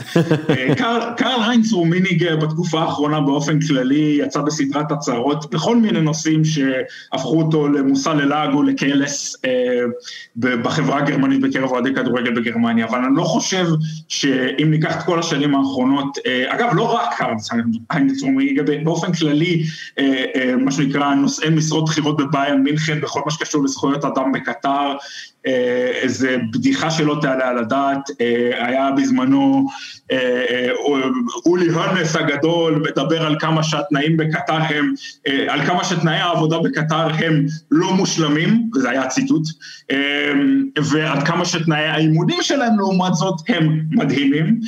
קרל היינץ רומיניג עצמו, הציטוט האחרון שלו לגבי העובדה שמדובר בתרבות אחרת ובדת אחרת וחייב להבין את הדברים האלה. אני חושב שהתשובה הכי טובה לזה זו התשובה שהמראיין שלו נתן לו באותו זמן. בשבת האחרונה זה היה, אם אני לא טועה. התשובה שהמראיין נתן לו היא, זכויות אדם היא לא עניין של תרבות ולא עניין של דת, זכויות אדם הן זכויות אדם. והמספרים שאנחנו מדברים עליהם, 6,500 איש מתו, אני, אני איתה נהרגו, זאת אומרת זה לא מתו, במהלך בניית המונדיאל, 5,000 מהם לפי מה שפעילי זכויות אדם מתעדים, 5,000 מהם סיבות המוות לא נודעו, הם פשוט מתו סתם ככה. היה עוד תחקיר שמאוד מאוד שווה להזכיר בהקשר הזה של הטלוויזיה הגרמנית לפני סביבות השנה וחצי, שנתיים. כן, אפילו יותר נראה לי, אפילו זה היה לי... אני בטוח שזה היה מתישהו באמצע 2019, אני גם צייצתי על זה אוקיי. בזמנו. תחקיר של, של הטלוויזיה הגרמנית שבעצם הצליחו להסתנן לאחד המחנות של העובדים האלה, הם שלחו, הם, אגב הם עשו משהו נורא נורא מעניין, הם שלחו צוות אחד באופן רשמי לקטר, דיברו עם משרד העבודה שם ומשרד החוץ, ובאמת שלחו באופן רשמי, ובדיוק באותו הזמן נכנסו לשם כמו תיירים והצליחו איכשהו להגיע לקשר עם כמה עובדי בניין שם, והתמונות שנראו הם... עולם אחר לגמרי, אתה רואה מבינים שהם אה, מסריחים, לא מטופחים, אה, היגיינה, אין מה לדבר, כמות פסיכית של אנשים בחדר, דיברת על שיטת הקפאלה, לקחת את הדרכון שאתה השתמשת בפורמת העבר היה, אבל הרבה, בהרבה מאוד מקרים השיטה הזאת והזכויות שנלקחות מהעובדים עדיין נלקחות מהם עד היום, עובדים מדברים על זה שהם לא מקבלים כסף חזרה, מדובר בבושה וחרפה, וזה שביירן מינכן לוקחת תפקיד פעיל במה שנקרא בספורטס וושינג של העניין הזה, זה בושה, וחייב לציין שהאוהדים המאורגנים שלהם, האולטרס בעיקר, מאוד מאוד מתנגדים לזה. וזרקו, יש סיפור גדול בגרמניה עם איזה אוהד, שאתה יודע, אחד מאלה שעשו רעש, וביירן סילקו אותו באיצטדיון, ועכשיו העורך דין של אותו אוהד תובע את המועדון, שהם מנסים להשתיק את כל הסיפור עם קטר. העורך דין של האוהד הזה הוא איש יקר בלי שום קשר, אני מכיר את האנשים האלה באמת באופן אישי, וזה גם סיפור שמעניין להזכיר אותו, קודם כל לפני זה, הסיפור הזה עם האוהדים של ביירן מינכן, ואיך, עד כמה הם באמת מעורבים בסיפור הזה, המחאות שלהם כמובן היו באיצטדיון ובכל מיני פורמות אחרות, אני חושב ששווה להזכיר אירוע אחד בהקשר הזה, לפני משהו כמו שנה וחצי אני הייתי במינכן, באירוע שנערך באיזשהו סוג של מתנס כזה במינכן, בהשתתפות משהו כמו 200-300 איש היו שם, ביוזמת האולטרס של ביירן מינכן, ומה שקרה ביום הזה זה ששני פועלי בניין לשעבר מקטר הובאו למינכן כדי להעלות מודעות למה באמת קורה שם, אבל זה לא נגמר בהעלאת מודעות, כמובן שגם פעילי זכויות האדם היו שם וכולי, זה לא נגמר בזה, לפני האירוע לקחו האולטרס של ביירן מינכן את פועלי הבניין האלה לעיריית מינכן ולפרלמנט המקומי, לדבר עם פוליטיקאים כדי לשכנע אותם להפעיל לחץ על ביירן מינכן, הרי עיריית מינכן יש להם מושב קבע בהנהלת ביירן מינכן, ויש להם גם תפקיד מאוד מאוד רשמי בהתנהלות מול המועדון, ובסופו של דבר ראש עיריית מינכן נאלץ להגיב לדברים האלה, למרות שהם מינכנאים לא בדיוק אוהבים לדבר על הדברים האלה, אבל הוא נאלץ מבחינה דמוקרטית להגיב על הסטטוס של ביירן מינכן, הוציא הודעה לעיתונות מאוד מפורטת לפני כמה ימים התשובה שלו, וכמו שציין עמית עכשיו, בחור מאוד מאוד פעיל באולטרה של ביירן מינכן, קיבל הרחקה מכל המתקנים של המועדון, מתקן האימונים, המשרדים, האליאנס ארינה וכולי, אחרי שהוא תלה שלט במשחק של, ה, של קבוצת האנדר 23 נגד משחקי יום שני. זה משהו שאוהדים בגרמניה עושים פה באופן קבוע, כן. ואף אחד, אבל אף אחד, כולל, אגב, ביירן מינכן טענה בזמנו שמדובר בסיכון בריאותי, בשלט שלא אושר וכולי וכולי, בסיכון בריאותי מבחינת מכבי האש או משהו כזה, דיברו עם מכבי האש, זה שטויות, זה לא היה ולא נברא, והעורך דין באמת טוען שמדובר באוהד שמאוד מאוד פעיל במחאות נגד קטר. אני אסיים את הנאום ואת הרנט שלי בנושא הזה ולמעורבות הבאמת באמת מביכה ומבישה של ביירן מינכן הסיפור הזה, במשפט שנאמר באותו אירוע שהייתי בו במינכן באותו זמן, ביירן מינכן הוזמנה להשתתף באירוע ולייצג את הצד שלה, הם סירבו מכל מיני סיבות. סיבות באמת. שמו שם איזה כיסא עם אה, חולצה של ביירן, לא? מאוד, כיסא עם חולצה של ביירן, אה, ואחד האוהדים שבאמת אה, הנחה את האירוע אמר, ביירן מינכן מדברת על זה שאנחנו דרך דיאלוג יכולים ליצור שינוי, ודרך חרמות לא נשיג שום דבר. אם הם לא מסוגלים לדבר עם האוהדים שלהם על מה שהם עושים, איך הם ידברו עם מדינה, טוט- איך הם רוצים לדבר עם מדינה טוטליטרית? צריך להגיד רק שקודם כל כל מה שפליקס אומר זה, זה אני מחזק אותו ויש אה, הרבה אוהדי ביירן שמאוד לא נוח להם העניין הזה וביירן מינכן מה היא עושה? ב-2018 היא חותמת חוזה עם Qatar Airways שמכניס להם איזה 10-11 מיליון יורו לעונה. הם אה, כמובן קטאר יש אחוזים בפולקסווגן זאת אומרת אאודי שהיא נותנת חסות של ביירן ואז באופן עקיף יש לה כמה אחוזים בהנהלה של ביירן בעצם. יש פה אה, חדירה שמאוד לא נוחה להרבה אוהדים אה, והיו בעניין הזה בשנים האחרונות אה, הפגנות ו- ומחאות וכמו שפליקס הזכיר את האירוע הזה עם שני מהגרי עבודה שעבדו בקטר עכשיו ובסוף, אתה יודע, ביירן מיכן צריכה לעשות את הערכות שלה, עד כמה זה באמת נטל ו- ומזיק, כי בוא לא נשכח, הם כל שנה היו רגילים בינואר לעשות את המחנה אימון הזה של הפגרת חורף בקטר, חוץ מעונה שעברה בגלל הקורונה. ואתה יודע, ביירן צריכים לעשות את השיקול שלהם, אבל הביקורת עליהם, בגלל שזו ביירן מינכן, בגלל שזו הקבוצה הלאומית, בגלל שזו הקבוצה הגדולה, הסמל, אתה יודע, הרבה גרמנים מעודדים את ביירן מינכן שמשחקים באירופה, כי הצלחתה היא הצלחת הבונדסליגה. אז דווקא שזה ביירן מינכן, יש הרבה אנשים שזה אה, צורם להם. אגב, אנחנו צריכים להזכיר אבל שביירן מינכן זה לא סתם... זה, זה לא ש... זה, הם לא מנצ'סטר יונייטד במובן הזה של אה, מנצ'סטר יונייטד בהסכמים מסחריים עם ערב הסעודית ועוד כל מיני, זה, הם לא כל כך, אתה יודע, מדברים על זכויות אדם וכאלה, זה לא מעניין אותם. ביירן מינכן כל הזמן מדברת על זכויות אדם ועל... אה, המורשת שלה, על עם השואה, המורשת עם שלה, לינדאוור. כן, לנדאוור. נשיא יהודי וכולי, שאגב, אה, מי שהעלה את המודעות לנשיא היהודי ולזכרו לא הייתה ביירן מינכן, אלא האולטרס של ביירן. מינכן. אז המועדון השתלט על העניין הזה, ככה שבסופו של דבר מדובר על מועדון שמנסה לפעול במיקרוקוסמוס של הכדורגל הגרמני, שהוא מיקרוקוסמוס שמעודד פעילות חברתית ופוליטית, אה, שבו לקיחת עמדה בנושאים כאלה היא משהו שהוא אה, אה, חלק אינטגרלי מה, מהסיסטם פה, אבל בסופו של דבר החלטות כמו, כמו חתימת הסכם חסות עם קטר, ולא רק חתימת הסכם חסות, גם לקיחת חלק פעיל בלגיטימציה של מה שקורה במדינה הזאת, אה, דרך ההשתתפות, ב, ב, דרך הנסיעה למחנות אימונים שם, דרך ציטוטים כמו, אה, אתה יודע, היה הציטוט של. אה, פקנבאואר בזמנו, לא ראיתי אף עבד בקטר, או ציטוטים כמו של אונס ורומיניג, זה, זה פשוט מגוחך, וזה זה הרבה מאוד גרמנים יוצאים על ביירן מלחם בעניין הזה, ובצדק רב. יש, יש שחקנים שאומרים משהו על העניין הזה של קטר? של ביירן מינכן? לא, אה, לא, לא רק, אה, לא של ביירן מינכן, בכלל, מ- מישהו, אתה יודע, מתוך העולם אה, הכדורגל, אני יודע שקריסטיאן סטרייך אה, סטרייך. דיבר על זה. זהו, גם שחקנים של פרייבורג באופן כללי הם חבר'ה שהם מאוד מאוד ווקאליים על ענייני כסף וכדורגל וכולי. ציטוט ישיר על מה שקורה בקטר מתוך גרמניה אני לא מכיר, לפחות מהסצנה הזאת של שחקנים, אבל יש לא מעט מאמנים ולא מעט אנשי... אה, אנשי, אנשי, אה, אה, אנשים מסביב של הכדורגל שבאמת התבטאו נגד זה, וחייב לזכור שבסופו של דבר התהליך הזה שמה שנקרא ספורטס וושינג והעובדה שביירן מינכן לא מסוגלת להתמודד עם הביקורת הזאת וזאת ביקורת שהגיעה לא רק מתוך האוהדים שלהם, זאת אומרת חשוב לציין שהביקורת שהאוהדים מעלים נגד ביירן מינכן, סליחה, היא לא ביקורת שמגיעה מהם, אוהדים של ביירן מינכן נמצאים בקשר עם גופים כמו אמנסטי אינטרנשיונל, Human Rights Watch, עם אה, פעילי זכויות אדם אחרים שיודעים מה קורה בשטח בקטר, ודרך המידע שהם מקבלים מאנשים שבאמת יודעים על מה הם מדברים, הם אה, מחליטים מה לעשות עם זה. פעילי זכויות האדם האלה שנמצאים בקשר עם האוהדים של ביירן מינכן, וזה אני יודע כי אני יודע, מכיר את האנשים האלה, היו גם בקשר עם ביירן מינכן עצמם, יצרו איתם קשר אה, כמה וכמה פעמים בשנים האחרונות בניסיון לבוא ולגרום למועדון לעשות את מה שהוא אומר שהוא עושה בכל מקרה, לבוא, ב, לבוא במגע עם הרשויות, לדרוש איזשהם צעדים מסוימים. כולם זוכרים אגב שממש לאחרונה הייתה קבוצה שעשתה את זה, ליברפול אה, דיברה כן. על הנושא הזה כשהם שיחקו שם שנה שעברה. נכון. למה ביירן מינכן לא?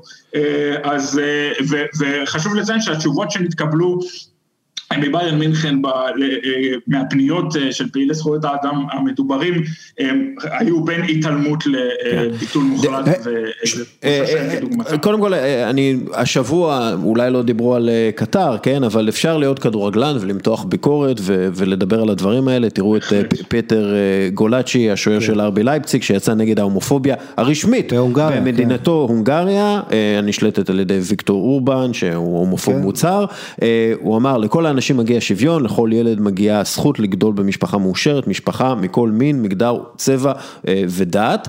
אה, הוא מדבר, הוא איזשהו, סוף סוף מישהו, כדורגלן מדבר על הדברים האלה ובצורה, אה, אה, סליחה, סוף סוף כדורגלן הונגרי מדבר על הדברים האלה אה, בצורה אמיצה. גריזמן עם וואוי, בגלל כן, כן, סין גם אה, היה לנו. גריזמן, דרך אגב, גריזמן מוותר על הרבה מאוד כסף מקוואוי הסינית ו- ומוותר בעצם על החסות בגלל היחס הסיני לאויגירים ואנחנו רואים, אמ, אנחנו רואים בכלל באופן כללי שספורטאים יותר מעורבים בזכויות אדם ובפעילות חברתית. רשפורד, אה, כמובן. מרקוס רשפורד, נעמי אוסוקה, אה, ובכלל, לברון, כן. לברון ג'יימס, הם, הם יותר פופולריים, הם, זה, זה, זה שווה יותר כסף לנייקי להיות בצד של קולין קפרניק מאשר להיות בצד של ה-NFL, בגלל שהם הם רואים את המגמות בחברה האמריקאית ובכלל.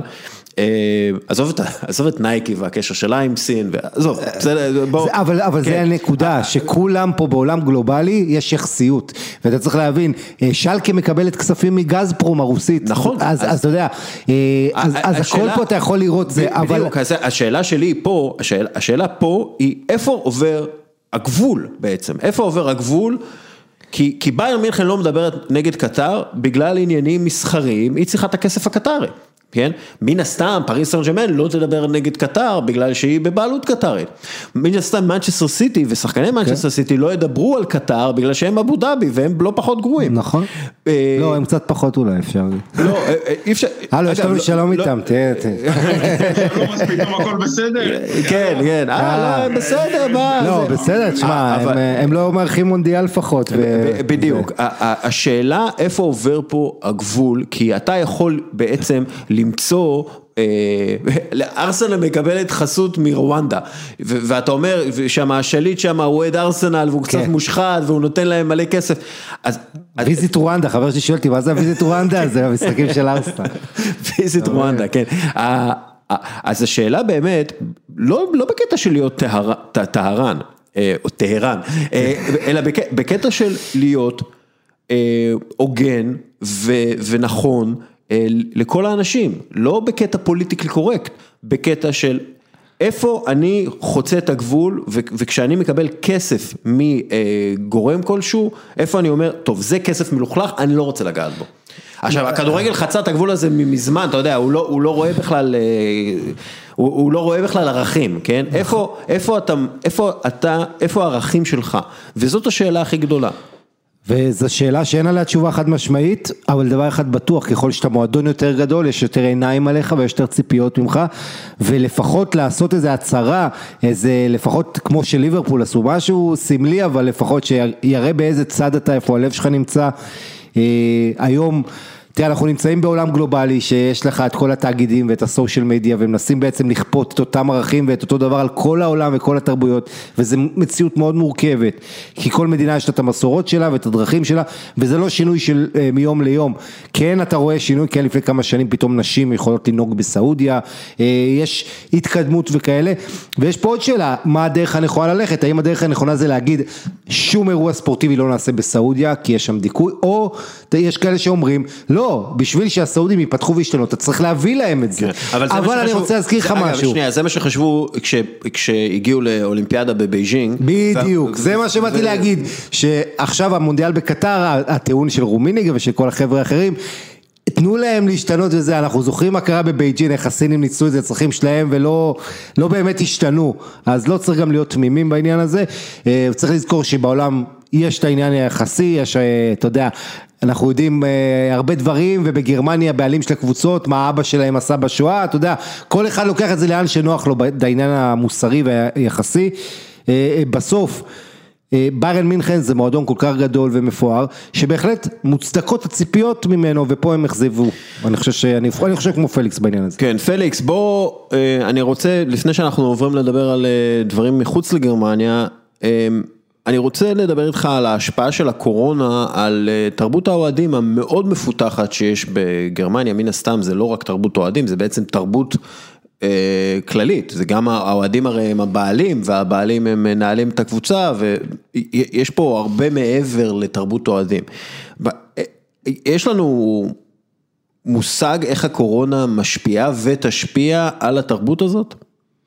בהחלט, יש אה, כל מיני אה, אספקטים שבהם אה, כבר רואים הבדלים, ב, אם זה ב, ב, באופרציה של מועדוני אוהדים ושל קבוצות אולטרס, אם זה בקשרים האישיים שבעצם היו נוצרים כל סוף שבוע, אם זה ב- באצטדיוני בית ואם זה באצטדיוני חוץ, ואם זה דרך קבוצות אולטרס שלמות שמתפרקות, לצורך העניין. בדורטמונד היה לנו מקרה כזה של אחת משלושת קבוצות האולטרס הכי גדולות, היובוז הכי מוכרות, שבעצם החליטו, די, זה שהכדורגל ממשיך בתקופה הזאת, כשאשכרה יש מגפה עולמית, זה מבחינתנו אה, ייהרג ובל יעבור, ואנחנו מפסיקים אה, ללכת למשחקים כקבוצת אולטרס. אה, זה דברים שקרו. אה, חשוב לציין שגם יש בגרמניה עובדים סוציאליים שכל תפקידם וכל מהותם היא לעבוד עם אוהדי כדורגל צעירים, כן. ואין מישהו שמכיר את סצנת האוהדים והאולטרס בגרמניה כמוהם, מה שנקרא פן פרויקט בגרמניה.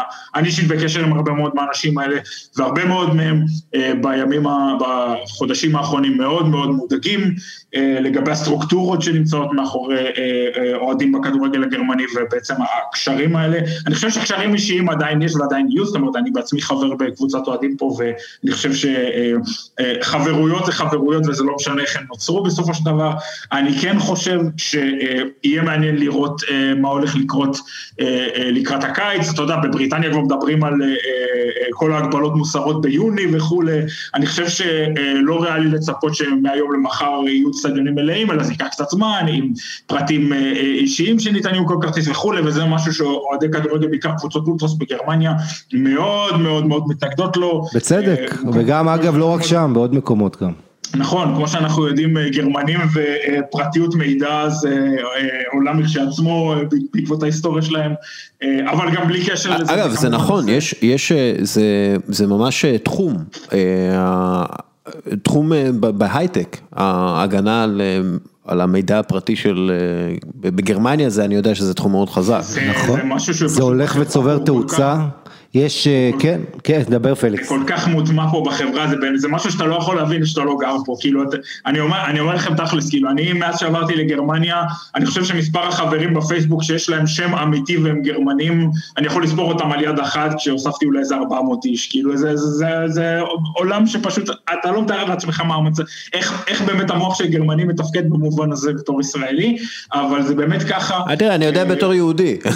לא, אבל יש, יש, יש הרבה מאוד גרמנים, זה מאוד רווח בחברה הגרמנית, שהם, אתה יודע, ביום הולכים למשרד, אנשים מעוגנים וזה, ואז יש להם חיי לילה הכי מטורפים, קוקאין וסמים וסקס ודברים, וזה דבר שאתה יודע, הם, הם מאוד קנאים לפרטיות שלהם, ומה שהם אומרים, כשאני בעבודה, אני אהיה הגרמני הכי חנון, אתה לא תאמין מה אני, אתה לא תאמין מה הם עושים, זה כמובן קיים בעוד חברות, אבל בגרמניה הקנאות הזו לפרטיות זה מאוד חזק. דרך אגב, עכשיו אני, יש לי בערך, נגיד, יש הרבה מאזינים בגרמניה לפודקאסט הזה, לא רק ישראלים שגרים בגרמניה, גם גרמנים שדוברים עברית, אנחנו מכירים חלקם, כן. אז זה דש לכם, אנחנו, אנחנו לא יודעים מה אתם עושים בחיים הפרטיים שלכם. לא, אבל אני, אני, בהחלט, אני בהחלט איתם, ועם העניין הזה והקנאות לפרטיות, ושם הם היו הראשונים החשדנים גם בכל המהפכה של הסמארטפון, והם צדקו, הם ידעו על מה הם מדברים.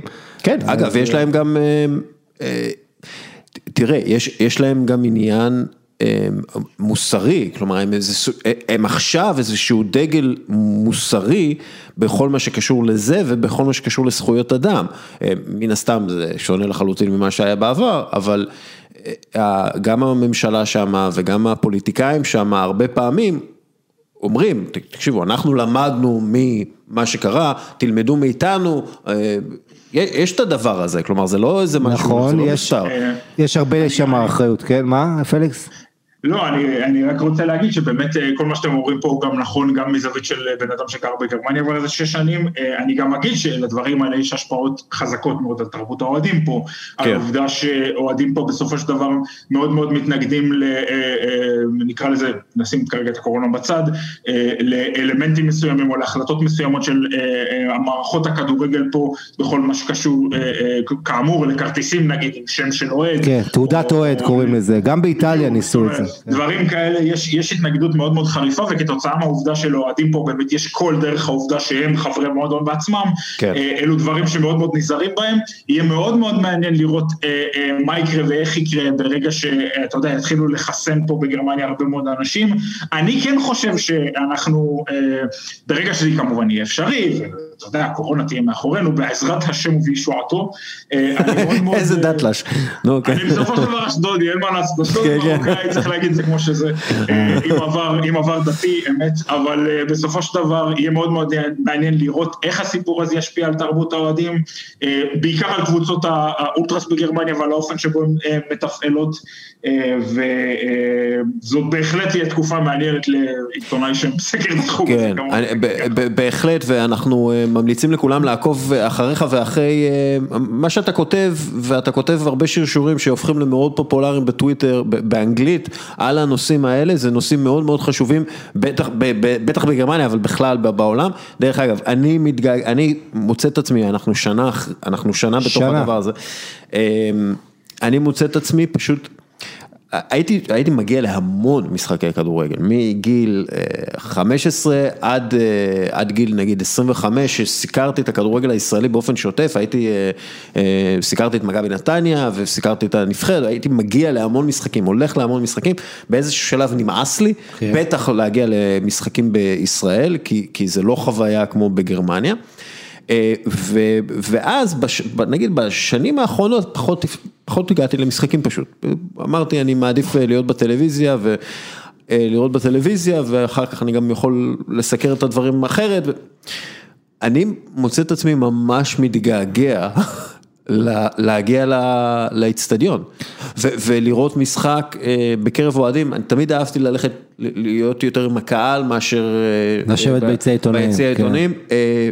אני פשוט ממש ממש מתגעגע לזה, ממש. כן, ואני... תאר לעצמך מה מרגיש בן אדם שהיה בארבע השנים האחרונות ב-160 משחקי כדורגל, כן. ספרתי אותם. אני, כן, וחוויה, תראה, אני אומר, היתרון היחיד ללכת לאיצטדיונים ולמשחקים בתקופה הזו, כעיתונאי, כן, בעידן הזה של הקורונה, זה שאתה חונה על האיצטדיון ואין לך פקקים, אבל זה לא שווה את זה בשום צורה, כי... זה לא כדורגל, תשמע, זה כואב הלב, להיות שם, אתה יודע, בבית אתה לא מבין את התחושת הוואקום הזאת שעוטפת כל כך הרבה מושבים ריקים. או, תאמין לי, אני, אני, אני מבין, כי, לא, שיח- כי זה הייתי בהרבה. הייתי בהרבה משחקים של ליגה א' עם שני אוהדים. זה, אני מבין, אני מבין. לא, זה וזה זה נורא מלאכותי, זה כמו, אתה יודע, אימון, שומעים את הצעקות של המאמן, והרבה אנשים, צריך להגיד את האמת, בשנה האחרונה התנתקו קצת מהכדורגל, כי זה לא, אה, כדורגל בלי קהל זה לא כדורגל, זה כמו, ל- ל- אתה יודע, לקחת את הדם מהגוף שלך, זה מה שעושה את המס... זה בדיוק מה שקרה בגרמניה, אגב, הרבה מאוד אנשים אומרים, אה, הרבה מאוד אנשים שנגיד החיים שלהם היו פשוט סובבים סביב הכדורגל ב-99. אחוז, זאת אומרת, אני כן. מדבר על אנשים שאיבדו עבודות, איבדו מערכות יחסים בגלל אה, אהדה שלהם לקבוצת כדורגל, אנשים שהיום אומרים, תשמע, אני כבר שנה וחצי בלי זה, אני חשבתי שזה הסם שלי, אה, כרגע מה שאני רואה שקורה בעולם הכדורגל זה שדוחפים לשחק למרות שאתה יודע, יש נושאים של בריאות של שחקנים שאנשים פה לא מאוד אוהבים, יש נושאים שהמשחק ממשיך, אה, ממשיך לפעול למרות שאוהדים כרגע נעולים בבית, שזה משהו שהרבה מאוד אנשים לא אה, בהכרח אוהבים, אה, ובסופו של דבר אנשים אומרים בדיוק מה שעמית אמר כרגע, אני מרגיש שהכד... אני, לא התעסקתי בכדורגל, המועדון שלי הוא עדיין האהבה של החיים שלי,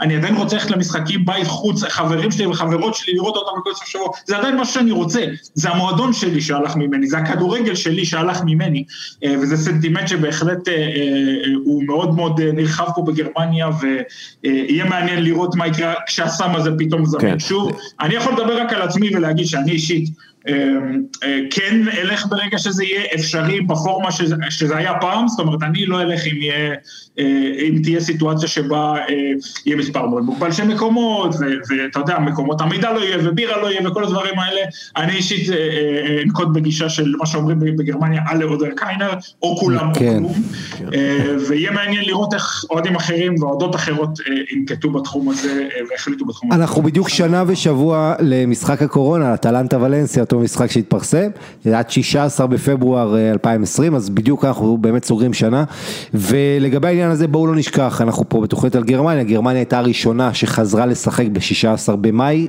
חודש לפני וחודש וחצי לפני ליגות אחר, אחרות שנה שעברה, אה, ואני מצפה מהגרמנים שהם, אתה יודע, סמכות, אה, כן, עם קוך אינסטיטוט, עם כל ה... מה שחושבים על הגרמנים ברפואה ובמדע, אני הייתי מאוד רוצה לראות את הגרמנים מובילים את המהלך גם של החזרת האוהדים ליציע במתכונת מסוימת, אנחנו רואים שהפרמייר ליג או בוריס ג'ונסון כבר הודיע על זה שימלאו עד 25% מהאיצטדיונים או 10,000 איש באיצטדיון.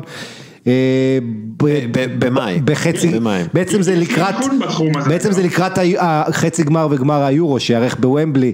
יש לי אגב עדכון לגבי זה, במקרה ככה עמית הרים לי להנחתה, לפני משהו, לפני כמה ימים, שלושה ארבעה ימים, הגישו קבוצה מאוד מאוד גדולה של גופים מאוד מאוד רציניים בחברה הגרמנית.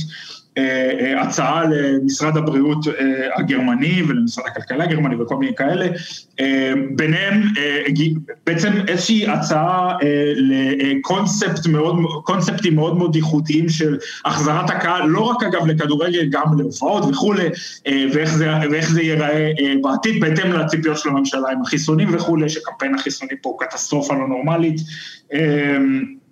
וזאת הצעה שהוגשה עכשיו, ב-DFL מדברים, אני אישית לא מכיר את הפרטים שלה לעומק, חייב להודות, אבל ב-DFL ובמועדונים מאוד מאוד תולים את היער שלהם בהצעה הזאת וחושבים שלקראת סוף העונה הזאת או בתחילת העונה הבאה אנחנו כבר נראה אוהדים בפורמה כזו או אחרת חזרה באצטדיונים. חשוב לציין שבניגוד לאנגליה נגיד, ההכנסות מקהל פה הם, הם חבל הצלה פסיכי למועדונים, קל וחומר כן. למועדונים קטנים יותר, זה אלמנט מאוד מאוד חשוב מההכנסות של קבוצות כדורגל פה, וזה למה, מה, ש, מה, ש, מה שאמרתם כאן לגבי גרמניה וה, והיכולות המדעיות של המדינה הזאת, זה משהו שבאמת רוצים מאוד ומנסים כבר עכשיו לנצל אותו למטרה של החזרת קהל להופעות, אבל גם משחק כדורגל. במעבר חד, מקור בטוטנאם על ז'וזה מוריניו באתלטיק. הכל השתנה, אפילו באימונים הכל במחשבה הגנתית, אין שום תוכנית להעביר את הכדור קדימה, התוכנית היא להגן, לבעוט את הכדור קדימה להרי קיין וסון יונג מין, וזהו. זה באמת נשמע כאילו יש לו עוד שבועיים שלושה כן. בטוטנאם. כן, כן, ברחו, הסוסים ברחו מהאורווה, אתה רואה, איך אתה יודע שמאמן באנגליה עומד ללכת הביתה, אתה יודע, באנגליה אתה שולט בתקשורת, המועדונים, צ'לסי וטוטנאם ויונייטד שולטים בכל פיפ שיוצא, ופתאום כשיוצאה כזאת כביסה מלוכלכת מבפנים, אתה מבין ש...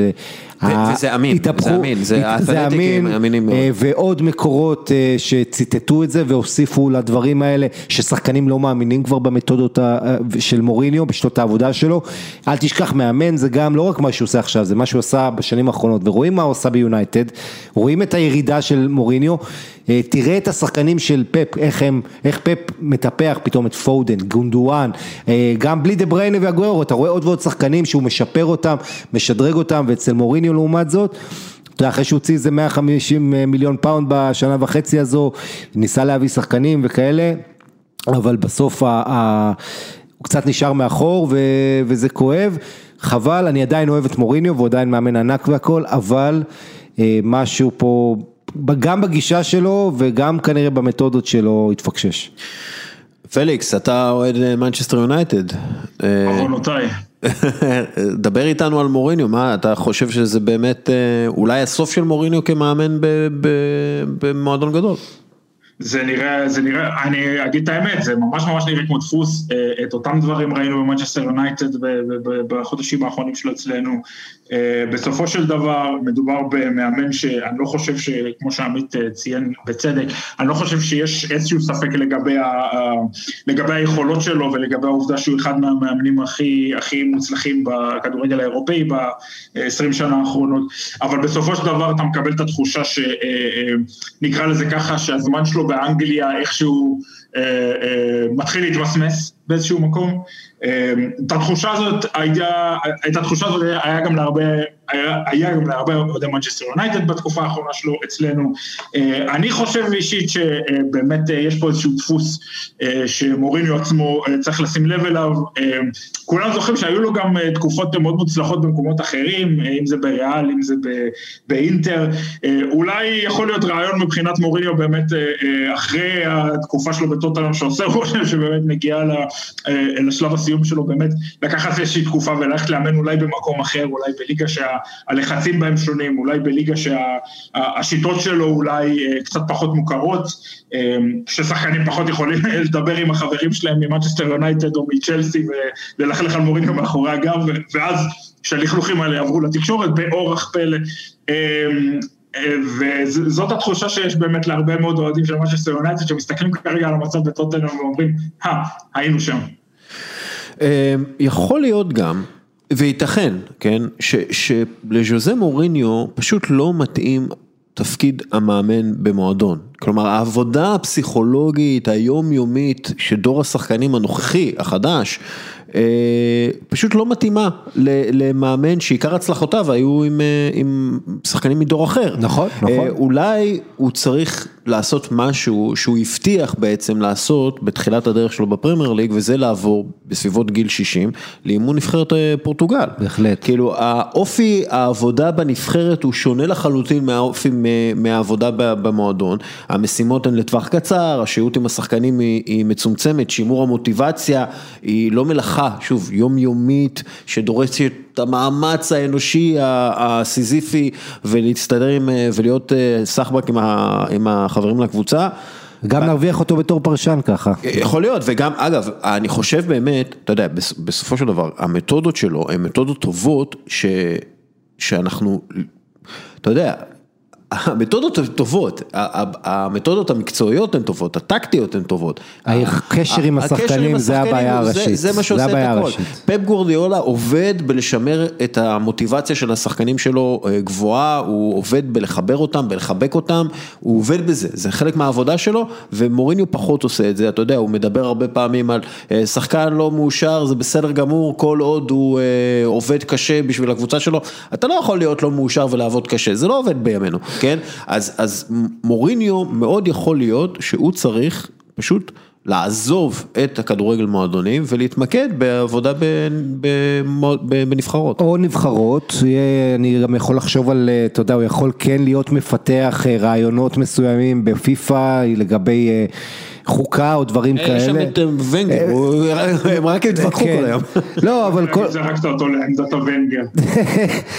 אה, אבל כן, תראה, הבעיה היחידה היא שנבחרת פורטוגל מאוד מצליחה עם פרננדו סנטוס, כן, לקחה את ליגת האומות, לקחה את היורו, יש לה עוד יורו אמור להיות לה עכשיו, וזו נבחרת מאוד איכותית. אגב, מוריניו, בפעמים האחרונות ראיתי שהוא... הוא אומר, השלושה הכי גדולים בהיסטוריה של הכדורגל זה מרדונה, פלה ומסי. אז ככה להיכנס מתחת לאור של קריסטיאנו רונלדו, אם אתה רוצה לאמן את נבחרת פורטוגל, אני לא יודע אם זו הדרך הכי טובה. אה, אבל כן, אתה דיברת על, על הגישה. אה, ו, ואני מאוד מסכים, אני חושב שהעניין המרכזי זה שבדור הזה הילדים השתנו בצורה הכי דרסטית אולי שאני זוכר, בגלל סמארטפונים ותרבות האני ואני ואני מעלה לאינסטגרם וכל העיסוק הזה ומוריניו זה מאמן שבא מהקולקטיב, מההקרבה, אה, הוא, הוא היה לשם המחשה אחד הסיפורים הידועים עליו, היה לוקח את הדמות הבכירה בקבוצה, מתעמת איתה ואז כל האחרים היו מתיישרים, אה, הוא עשה את זה בזמנו עם השוער של פורטו אה, שככה בהתחלה שנא אותו ואז העריץ אותו. ואתה יודע אנחנו זוכרים את החיבור שלו לשחקני צ'לסי, מה זה היה לפני עשור, עשור וחצי עם דרוגבה ולמפרד וטרי, ו... התחושה היא שהיום אין לו כבר את זה, גם ביונייטד וגם בטוטנאם, שהחבר'ה הצעירים האלה, הרבה מהם לא מרוצים ממנו, תראה, שחקן כמו דלי עלי, איך הוא הלך אחורה, אצל מוריניו. אה, בעניין של גארף בייל, אני לא כזה מאשים את מוריניו, כי אז קודם כל הבעיה אצל השחקן עצמו, אה, אבל אתה כן יכול לשים לב שטוטנאם, בכל אירופה, אין קבוצה ששני שחקנים אחראים לאחוז כל כך גבוה מהשערים שלה. ולא רק זה, כשהם לא משחקים לה משחק התקפה, ו, וזה בהחלט גורם לך אה, לחשוב על זה שאתה רואה את מנצ'סטר סיטי ואת טוטנאם, כמה הם שונות, כמה סיטי כל שחק... כל שחקן יש אופציה מסירה, הדגש הוא על הנעת הכדור, אה, איך המגן נכנס לאמצע, איך כל הזמן הם מפתחים את המשחק, עושים דברים חדשים, ולעומת זאת הסטגנציה הזאת שיש בטוטנאם, משחק שמבוסס הרבה על, על, על מקריות. אה, הרבה פעמים הקבוצה הזו שבכלל קודם כל הפסידה חמישה משישה אחרונים, ניצחה אחד משבע, אה, וזה, לא, אני לא מתייחס לאירופה, שהם זכרו מול קבוצה אוסטרית כן. חלשה, אבל בסך הכל אתה רואה שהקבוצה הזו לא נכנסת טוב למשחקים, אה, שזה הרבה, מעיד על קשר לא טוב עם המאמן, כי הרבה פעמים אתה יודע, כשההוראות של המאמן בחדר הלבשה טריות בראש, וקבוצה פותחת מחצית ראשונה, מחצית שנייה, זה דרך טובה לדעת את הקשר של השחקנים, כמה הם קשובים למאמן, כמה הם מבינים גם מה הוא רוצה מהם, מוריניו בקשר הבין אישי הזה היה מספר אחת, והיום הוא לא בטופ לצערי. כי שוב, ג'ון טרי שונה מ... מהילדים האלה שגדלים בצד. רק כדי להתחבר למה ששניכם אמרתם, אני לחלוטין מסכים עם הכל, אני, אה, אני אגב לא חשבתי על הרעיון הזה של מוריניו כמאמן נבחרת, אבל עכשיו ככה כשמציגים את זה, אני חייב להגיד שהשיטות עבודה של מוריניו והאופן שבו הוא אה, שומר על מוטיבציה של שחקנים ברמה מסוימת, וגם שיטת המשחק שלו, שבסופו של דבר נוטה לשים דגש מאוד מסוים על, על משמעת טקטית וכולי, יש לזה הרבה הרבה יותר סיכוי להצליח ברמת הנבחרות היום, אתה יודע, הזכרנו פה את פורטוגל אה, וה, והיורו, אמ, יש לזה פשוט הרבה יותר סיכוי לעבוד, אני חושב, למאמן כמו מוריניו, שאתה אה, אה, יודע, בסופו של דבר כשהוא נמצא בקשר יומיומי עם שחקנים, זה אה, גורם לשחיקה, אני חושב בעיקר מנטלית, אבל שמשפיעה גם על האלמנט המקצועי מאוד מאוד מהר, אמ, וזה בהחלט רעיון מעניין, אני אשמח לראות את מוריניו מאמן איזושהי נבחרת, ואני גם די מאמין שזה גם, גם משהו שעשוי מאוד מאוד להצליח, בטח אם יהיה מדובר באיזושהי נבחרת רצינית, פורטוגל או נבחרת אחרת ברמה. והערה אחרונה, מוריניו איפה שהצליח, היה לו הגנות ברזל. לטוטנאם אין הגנה מספיק טובה בשביל לשחק את הבונקר הזה ולצאת קדימה מתפרצות. אם היה לו את רובן דיאש ולפורט, היינו מדברים עליו אחרת, כן, כמה הוא חכם, קומפקטי, אבל צריך להגיד את האמת, זה מאמן אה, שהרבה פעמים מגיב, אה, הוא בכלל במקום להתעסק בקבוצה שלו, מתעסק איך מנטרלים את היריבה, אנחנו יודעים את זה מוריניו קלאסי הרי, אה, ו, ובמובן הזה, אתה יודע, הוא וצ'ולו, הם קצת מאמנים שאתה פחות רוצה אם אתה אוהד של קבוצה גדולה בוא נגיד לראות, אתה מעדיף את המאמנים היצירתיים יותר, הפרואקטיביים. אוקיי, פליקס עוד משהו? אה, אני יודע, שנהיה בריאים כולם, אה, זה הכי חשוב, ובסופו של דבר אה, אני מאוד מאוד מקווה, מילת הסיום שלי להיום היא באמת תהיה שאחד, שכולנו נחזור לאצטדיונים כמה שיותר קרוב לי אישית, זה כבר, זה משהו שממש כואב לי פיזית, ודבר שני, שאני מאוד מאוד מקווה ש... הנושאים שדיברנו עליהם היום בעיקר דברים שקשורים לענייני זכויות אדם וכולי, אה, שבזווית הקטנה שלי כעיתונאי שמסקר את זה פה, אה, שבאמת נראה יותר מודעות לדברים האלה פה בגרמניה, אני לא חושב שזה הולך להיות המקרה לצערנו, בטח שלא במקרה של ביין מינכן, אה, אבל בשביל זה אנחנו פה, בשביל לדווח על הדברים האלה ולהזכיר שהם קורים, וזהו, תמצאו אותי בטוויטר, בואו לבקר, אני מתגעגע קצת לדבר בעברית. יאללה, כן. טוב. דיברנו על ג'מאל מוסיאלה? אוי, לא דיברנו על ג'מאל אה, מוסיאלה, כן, שהוא... אה, בוא ממש... ממש... קודם כל שבוע נהדר לילד הזה שהפך בשנה האחרונה גם לשחקן הכי צעיר ששיחק בביירן מינכן כבר בסוף עונה שעברה, העונה הזו הכובש הכי צעיר של ביירן בתחילת העונה נגד שלקה והכובש הכי צעיר בליגת אלופות, הוא עשה את זה בנוקאוט השבוע נגד לאציו, אה, ביום שישי מחר הוא בן 18 נגיד לו מזל טוב, יוגי לב חודשיים אחרונים הגיע למשחקים של ביירן מינכן, בעיקר לעקוב אחריו ולנסות לשכנע אותו ולדבר עם ראשי ביירן, איך לשכנע אותו לייצג את גרמניה, לא את אנגליה, אה, ווואלה הצליח לו, אז אה, גם הארכת חוזה מוסיאלה השבוע מקבל, גם אה, אמור להיות מזומן לנבחרת גרמניה ולערוך את הבכורה שלו עוד חודש, בסוף מרץ. אה, כישרון גדול, אבל ראינו בויאן קרקיץ', ראינו עדנן ננוזאי, ראינו הרבה שחקנים שעולים בסערה בגיל צעיר, רבים עליהם שש נבחרות ואז הקריירה שוקעת. חובת ההוכחה עליו, וההצלחה שעולה לראש לשחקן כזה צעיר, שצריך להגיד, לשחק ליד קימיך וגורצקה זה די קל, נכון, לא כל אחד יכול לעשות את זה, והוא פוטנציאל אדיר, אבל יש לו עוד המון המון מה לשפר, פיזית קודם כל, הוא צריך להתחזק, אה, כמובן יש לו את- האיכויות שלו, הדריבל, חוכמת המשחק המאוד מפתיעה לגיל צעיר, אבל אה, בוא נגיד ככה, אני מאוד רוצה שימשיך בדרך הזאת ולא ייעצר, כי חובת ההוכחה עליו. ואגב, אני חושב גם, אתה יודע, יש הרבה כדורגלנים היום שיכולים לבחור בין נבחרות. אה, למשל, סתם, אה, אמרת ינוזאי, אז הוא היה יכול לבחור בין חמש מדינות שונות. מקום הולדתו הייתה בלגיה, אה, הוא היה יכול לשחק באלבניה או קוסובו, אה, והוא היה יכול להיות גם בסרביה או טורקיה, ב- ב- ב- ב- אימא שלו היא חצי חצי, הייתה חצי סרביה, חצי כן. קיצור, טורקיה. נותן fight למריו גומז. כן, עכשיו, אתה יודע, אם הוא היה, אגב, אם יאנוס היה ממתין עוד כמה שנים, הוא היה יכול לשחק באנגליה. כלומר, אם הוא היה נשאר עוד איזה אה, שנתיים... קווין קוראני התכוונתי, קווין קוראני, אתה זוכר, הוא היה פנמה, ברזיל, זה כן, חצי עולם. כן. ושוב, יש, אתה יודע, ויש עוד מלא כאלה, למה? כי יש מלא מהגרים בעולם, אה, וזה בסדר, זה הגיוני, במשך שנים היגרנו כבני אדם, אתה יודע, חלק גדול מהכדורגלנים הגדולים בכל הזמנים הם מהגרים. או אה, בנים של מהגרים, פלטיני, זידן, אה, מירוסלב קלוזה, מסוט אוזיל. וכל הדרום אמריקאי. אה, כן. פודולסקי, אני מבקש, פודולסקי. כן, פודולסקי, כן, איוון רקיטיץ' אפילו, השוויצרי, אה, כן. כן, אוליבר קאן, אפילו אוליבר קאן, הס- ההורים שלו, הסבים שלו מלטביה, אה, אז כי- הכל טוב, אפשר להיות מהגרים, ג'מאל מוסיאלה אה, הוא דמות. הוא- הוא שוב, הוא הוא חלק מהדור החדש הזה, שהוא בעצם דור בלי לאום מובהק. כן. כן, הוא גדל בגרמניה עד הוא גיל שבע. אירופאי יותר משהוא כן, מזוהה. הוא גדל בגרמניה עד גיל שבע, אז עזב, עזב לאנגליה, היה שם שמונה, תשע שנים, חזר לגרמניה, הוא מרגיש, הוא אמר, יש לי לב גרמני ויש לי לב אנגלי, שזה אומר, אני מאוד אוהב נקניקיות, אבל גם... גם פיש אנד צ'יפס. פיש אנד צ'יפס, כן. זה, זה מעניין. זה, אגב, אני לא יודע כמה זה... שוב, הכדורגל נבחרות, אה, הוא, הוא מאושר בזכות ההגירה הזאת, הוא, יש הרבה יותר אה, גיוון בתוך הנבחרות אה, בגלל ההגירה הזאת, העניין הוא שתמיד איכשהו, אתה יודע, ג'מאל מוסיאלה החטיא פנדל בחצי גמר אה, יורו, תגידו מה, השחור הזה, כן. יגיד, כל אתה יודע.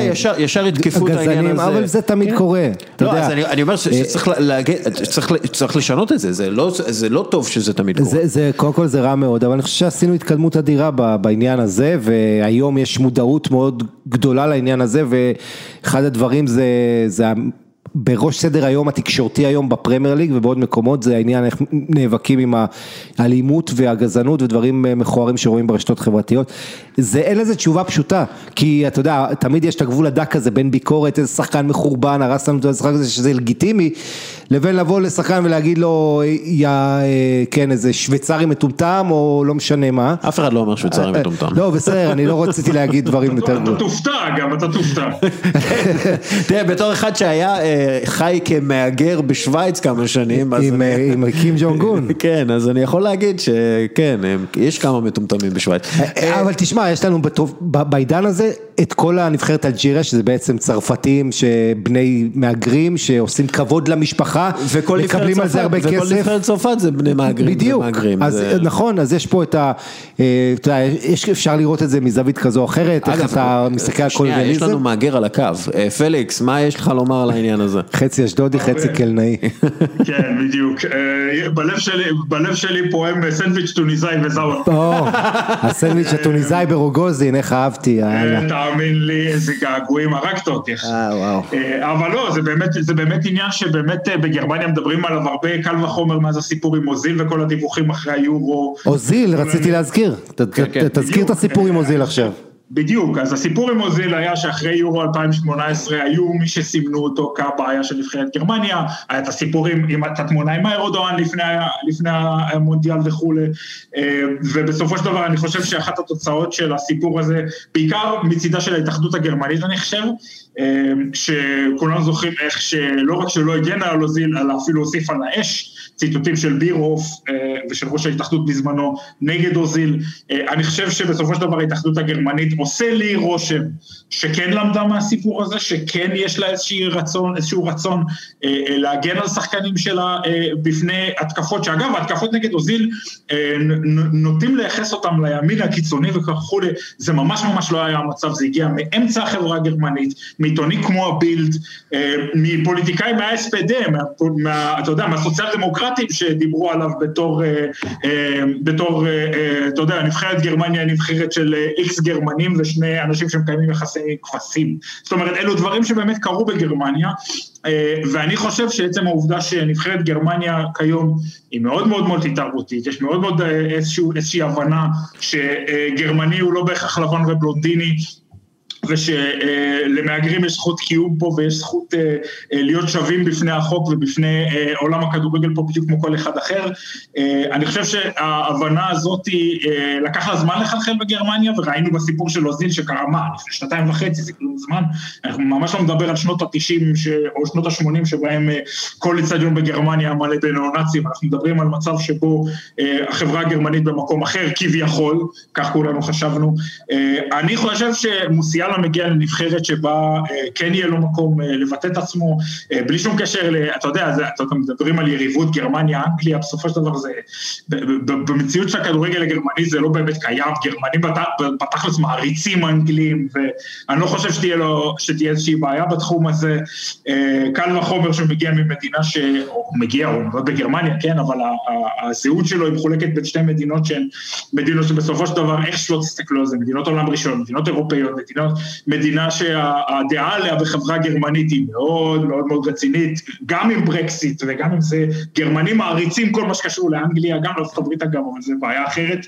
אמ, ואני חושב שמוסיאלה בסופו של דבר החליט אה, אה, למדינת המולדת שלו, וזה משהו שבסופו של דבר בכדורגל הבינלאומי גם חשוב להגיד, שכדורגל בינלאומי אה, ונבחרות, שיש את הדעה הקריטית שלי עליו, אבל בסופו של דבר יש איזשהו אלמנט אמוציונלי שמשחק פה תפקיד, אם זה בנבחרות כמו אלג'יריה וצרפת, צרפת, ואם זה בטח אה, בנבחרות כמו, כמו אה, אנגליה וכולי, אה, ומוסיאלה החליט למדינת, למדינת המוצא שלו, מדינת, מדינה שבה הוא נולד, זאת אומרת, הוא נולד בשטוטגרד, גדל בפולדה, מקומות שהם, איך נאמר, לא בדיוק מנצ'סטר או לסטר. כן. אז יהיה כן. מעניין לראות איך, איך תתפתח הקריירה שלו מבחינה מקצועית בנבחרת של, כן. של, של גרמניה. אגב, ו, כן. ודבר אחרון, יהיה מאוד מעניין לראות איך יוגי לוב ישתמש בו באיזה תפקיד, כי בתפקידים ההתקפים זה לא שחסר לגרמניה כישרון. אה, כן, טוב, יאללה. אה, פליקס, תודה רבה לך. אגב, אח של הדסון אודוי זה הסוכן שלו, של מוסיאלה, למי שלא יודע, וזה דובר בזמן שהביאו אותו כטריק למשוך את הדסון אודוי בכלל, תראה מה זה כדורגל. למדתי. אוקיי, חברים, אנחנו עוברים לשרון דוידוביץ', תודה רבה לכם.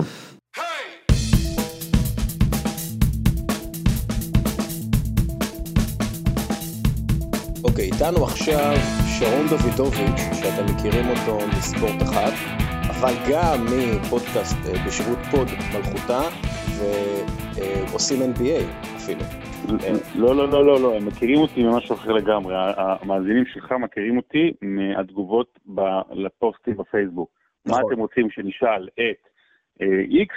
אה, בוא נתחיל ממה שלומך. אה, אז בוא תשאל אותי, דווקא על מה שלומך.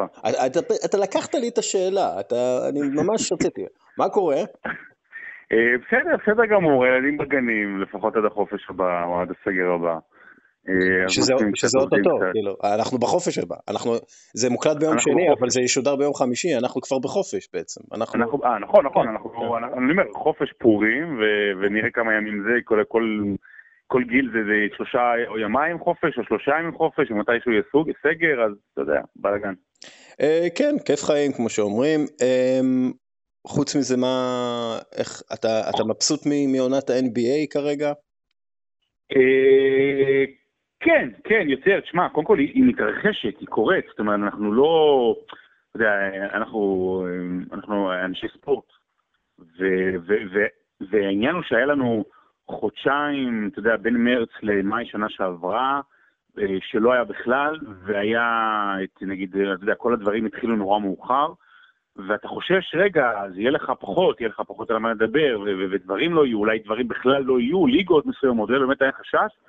אבל הקטע זה שהם, שמשחקים הכל, נכון, ה-NBA קצת פחות משחקים, אבל בכדורגל ובכדורסל, כאילו משחקים הכל, אז הכל נורא נורא דחוס, וכל יום יש משחקים, אז הייתי אומר שכל עולם הספורט הפך להיות ה-NBA. כל יום יש משחקים. כן. שאגב, אני לא בטוח שזה טוב. אני מרגיש אה, שחיקה. מצפייה אני יודע, אני יודע. אתה, אני, אני, אני, אני, אני רואה ואני מעריך את, ה, את המלחמה שלך באומץ על השחקנים, וזה, וזה דיון לגיטימי שצריך להיעשות, אבל לנו כאוהדים, מה אכפת לי? ש- ש- שיקחו קיבינימט, כאילו, כמה שיותר משחקים. תשמע, תראה, אתה צודק מצד אחד, מצד שני, המשחקים האלה ללא קהל, הם הרבה פעמים מרגישים לי חצי כוח, והרבה פעמים, במיוחד ב-NBA, דרך אגב, ב-NBA זה מורגש אפילו יותר מהכדורגל, אני לא יודע למה, אולי בגלל שאני גם רואה הרבה משחקים מה- מהליגה הישראלית, אז זה לא כזה משונה לי לראות אה, מגרש ריק, אבל בכדורסל, זה מרגיש שהם משחקים בתוך אה, ואקום, זה פשוט ככה, וקבוצות שחיות על אנרגיה, דרך אגב אנחנו ראינו את זה בליברפול בכדורגל, קבוצות שחיות על האנרגיה מהקהל, אתה רואה שהן מבולבלות, אני רואה את זה אצל בוסטון סלטיקס אה, שלי, אני רואה את זה דרך אגב גם בדנבר קצת, אה, קבוצות ש... שחיות על אנרגיה כלשהי מהקהל ומקבלות אותו והופכות לטובות יותר בבית שלהן בגלל זה, פשוט קצת נראות עוף, ואז זה בא לביטחון עצמי. אבל יש פה מסר, יש, יש פה מסר, במיוחד של, במיוחד של NBA, במיוחד של אמריקה, אני אגיד את זה באטמוספירה של אמריקה, מה שאדם סילבר עושה. הוא זה, אתה יודע, אנחנו תמיד אומרים שכשכל הפוליטיקאים שלנו, גם אתמול דרך אגב, סליחה, אתמול ביום אה, שני, אה, בוריס ג'ונסון אה, בנאום לאומה אמר, אנחנו צריכים לדעת לחיות לצד הקוביד כמו שלמדנו לחיות לצד השפעת, כאילו עם החיסונים וזה. ומה שאדם סילבר עושה, זה הוא חי עם הקורונה לצד הקורונה בתנאי הבטיחות הגבוהים ביותר. נכון, יש משחקים שמבוטלים והכל, אבל הם מבוטלים למען הבטיחות של השחקנים. יש אה, באחוזים, אחוזים כמעט אפסיים של הדבקה בתוך הקבוצות ומסביב לקבוצות, ו- ומתקיימים, והחיים מתקיימים. ועוד מעט יהיו מספיק חיסונים וגם קהל יחזור. אז מה שאדם סילבר והליגת ה-NBA מעבירה לכל העולם, וראינו את זה גם עם הבועה בסוף שנה שעברה, שאולי אדם סילבר צריך לנהל את העולם, שיש פה אפשרות להמשיך את החיים כסדרם, ולא הדבקה אפס, ולא כל השטויות מסביב, ולא לכ- לכלוא אותנו, אלא איכשהו להמשיך לחיות בתנאים אה, בטוחים. אה, נכון, אתה צודק. אה, הם- זה בהחלט הישג של הליגה, אין, אין ספק. ואגב, הישג של הספורט, שהספורט הצליח באופן אה, כללי אה, להמשיך לחיות. זה זה זה. אני, אני רוצה לדבר איתך בעיקר על ברוקלין נטס. הם, הם, אוקיי, ייתכן מאוד שברוקלין זו, זו קבוצת ההתקפה הגדולה בכל הזמנים, ואנחנו רואים את זה עכשיו. קיירי ארווינג וג'יימס הרדן הם שני שחקנים שיכולים לייצר סל, באמת, שלהם או של מישהו אחר דרך אגב, בכל רגע נתון. קווין דורנט, אה, לא צריך אה, להרחיב עליו, הוא אחד מחמשת הקלעים הגדולים בכל הזמנים. אה, ג'ו הריס קולע בערך 99% מהשלוש, אני לא ראיתי אותו מחמיץ העונה, בחיי, באמת, אני לא ראיתי אותו מחמיץ. ודיאנדרה ג'ורדן ו- וג'ף גרין הם בסך הכל שחקנים שהם פלוס בהתקפה, והם, וכרגע ברוקלין הם הקבוצה עם הכי הרבה ניצחונות נגד קבוצות עם 50% הצלחה או יותר, הם ממש טובים, אבל, אבל, הם, הם אחת מחמש הקבוצות ההגנה הכי גרועות בליגה. ואני לא יודע אה, בפלייאוף, בכדורסל פלייאוף, שזה ענף די שונה מהכדורסל בעונה הרגילה, אני לא יודע כמה ההרכב הזה של השחקנים יכול להיות מוצלח. מה, מה אתה אומר? תראה, לפני, לפני בערך שבועיים הייתה איזו נקודת זמן שברוקלין הייתה גם, יש איזה חישובים, פר 100 התקפות או משהו כזה, היא הייתה קבוצת ההתקפה הכי טובה בהיסטוריה, אוקיי, מבחינת, מבחינת סטטיסטית מספרים, כאילו אה, פר אה, נקודות פר, אה, פר 100 התקפות או משהו כזה, ומצד שני גם אחת, אחת הקבוצות הגנה, או אפילו ההגנה הכי גרועה בהיסטוריה, זאת אומרת זה, זה, זה ממש הגיע ככה לגדלים כאלה, וזה, וזה טיפה השתפר בשבועות האחרונים. אתה צודק במובן הזה של יש הבדל בין הליגה לבין הפלייאוף ואיך זה יהיה, אבל דווקא מהצד ההפוך. תראה, בוא, נלך דווקא על הדברים הטובים של ברוקלין. אה, אני חושב ששני דברים אה, מפתיעים, אני, אני באופן כללי ברוקלין מפתיעה אותי לטובה. זאת אומרת, אני חושב שהרבה אנשים ציפו, אולי חלק קיוו, שזה לא יעבוד טוב, שזה, שזה יתרסק, אתה יודע, כל האגואים שם, וכמה כדורים יש להם באימון וכמה כדורים יש להם במשחק, אבל קרו שני דברים. קיירי ארווינג, האיש הכי מושמץ בליגה, ובצדק, בא לג'יימס הרדן ואמר לו, חבוב, אתה תהיה רכז ואני אהיה shooting guard, זאת אומרת, אתה תוביל את ההתקפות, אתה תנהל, וזה, אתה יודע, וזה, וזה, וזה טוב כי זה עושה סדר, בלי שזה מאמן או סטיב נש יבואו, יגידו, רגע, רגע, רגע, מי, מי, מי, לא, קיירי אמר, אתה תהיה מספר אחת, אני אהיה מספר שתיים, קח אתה את הכדור, תיקח אתה את ההחלטות הנכונות, הוא גם כנראה יודע כמה הוא לא חכם, קיירי ארווין. אה, הוא לא, של לא, משחק. הוא לא, הוא לא יודע, הוא, הוא חושב יודע שהוא. הוא חושב שהוא הוא- חכם הוא- הרבה יותר ממה שהוא, אבל אה, בסדר. הוא, כן, הוא, הוא, הוא אינו חכם שאינו מודע לך, אינו חכמיותו. אה, ו- ו- ומצד שני, ג'יימס ארדן, העונה, אני חושב העונה לראשונה מזה, נדמה לי שש שנים, לא מועמד ל-MVP. הוא לא יהיה מועמד ל-MVP. אבל, אבל, ופה זה הכרזה, ג'יימס ארדן משחק את הכדורסל, אני דגש על המילה כדורסל, הטוב ביותר בקריירה שלו. הוא משחק את הכדורסל הטוב ביותר בקריירה שלו. כי זה לא הוא- הרדנבול יותר, זה כדורסל, זהו, זה, לא, זה בסקטבול, לא. הרדנבול. בעונת השיא שלו, ביוסטון, ב-18-19, שזה באמת היה כאילו באמת השיא של השיאים של ה-23 שניות, ואז הוא זורק, היו לו כמעט 25 זריקות למשחק. בברוקלין יש לו פחות מ-16 זריקות למשחק. הוא, האחוזים שלו לא השתפרו בצורה דרמטית, אם כן מעל 50 אחוז, שזה פעם ראשונה בקריירה, אבל הוא משחק כל כך חכם, או מה זה כל כך? הרבה יותר חכם ויותר נכון, וצריך להוריד את הכובע בפני ג'יימס ארדן, שכולם ירדו עליו, הוא בצדק, על המשחק, ו- ובאמת הוא היה אחד האנשים מבחינת הכדורסל הכי פחות אהובים, במובן הזה של רגע, רגע, רגע, יש פה מישהו ש... הוא, הוא, אתה יודע, הוא נוגד את, אה, את אמונת הכדורסל שלנו, בטח מי שמסתכל יותר על כדורסל אירופי, ומה שג'יימס נייסמית אמר, של חמישה שחקנים, ולמסור ודברים כאלה, ואני כאוהב את ג'ון סטוקטון, כאילו הוא היה נגד, הוא היה נגד התורה הזו. והבן אדם מצליח לשנות את תורו, הוא מצליח לשנות את תורו, אז הוא לא ה-MVP, ועדיין זו עונת הכדורסל הכי טובה של ג'יימס ארדן בקריירה. אגב, הוא, אה, הוא לוקח יותר ריבאונדים, מוסר יותר אסיסטים, חוטף יותר חטיפות, ויש לו יותר שלשות מאשר קווין דורנט העונה. וכשהנץ איתו, שוב, אני- אנחנו ביום אה, שני עכשיו, אז זה יכול להשתנות, כשהנץ איתו, ו- מה שנקרא, אחותך ביום שני, אנחנו ביום שלישי. אה, נכון, סליחה, וואי, בואנה, זהו, אני, אה, אז, אני גמור. אה, ה- ה- הנץ איתו, ובלי דורנט הם, אה, הם אה, שש ניצחונות מ... אה, שישה ניצחונות מתשעה משחקים, ועם דורנט, בלי, דור, בלי הרדן, הם אה, 50 אחוז, כלומר חמש וחמש. אז אז זהו, אז, אז רציתי להגיד מה שאתה, מה שאתה התחלת, ועל הצד הרע, זה אנחנו כאילו אמרנו, וואו, וואו, הטריו הזה, דורנט וקיירי וארדן וזה, אני צריך לבדוק את זה. אני לא חושב שהם שיחקו שלושתם ביחד, לא יודע, לא הגיעו לעשרה משחקים לדעתי אפילו, שלושתם ביחד. כן. קורונה ופציעות, וההוא מנוחה וההוא מנוחה, ובפלייאוף שלושתם ישחקו ביחד, ושם, שם יהיה מבחן אה, גדול יותר לגבי העניין הזה של חלוקת הכדור.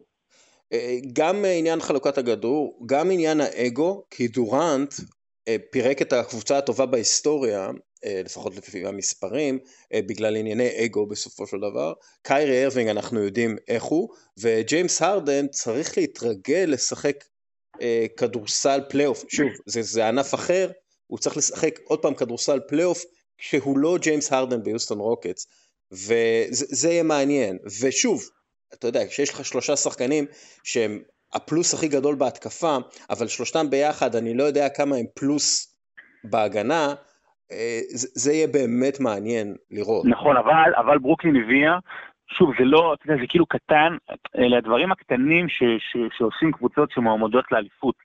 הם הביאו את אנדרי רוברטסון.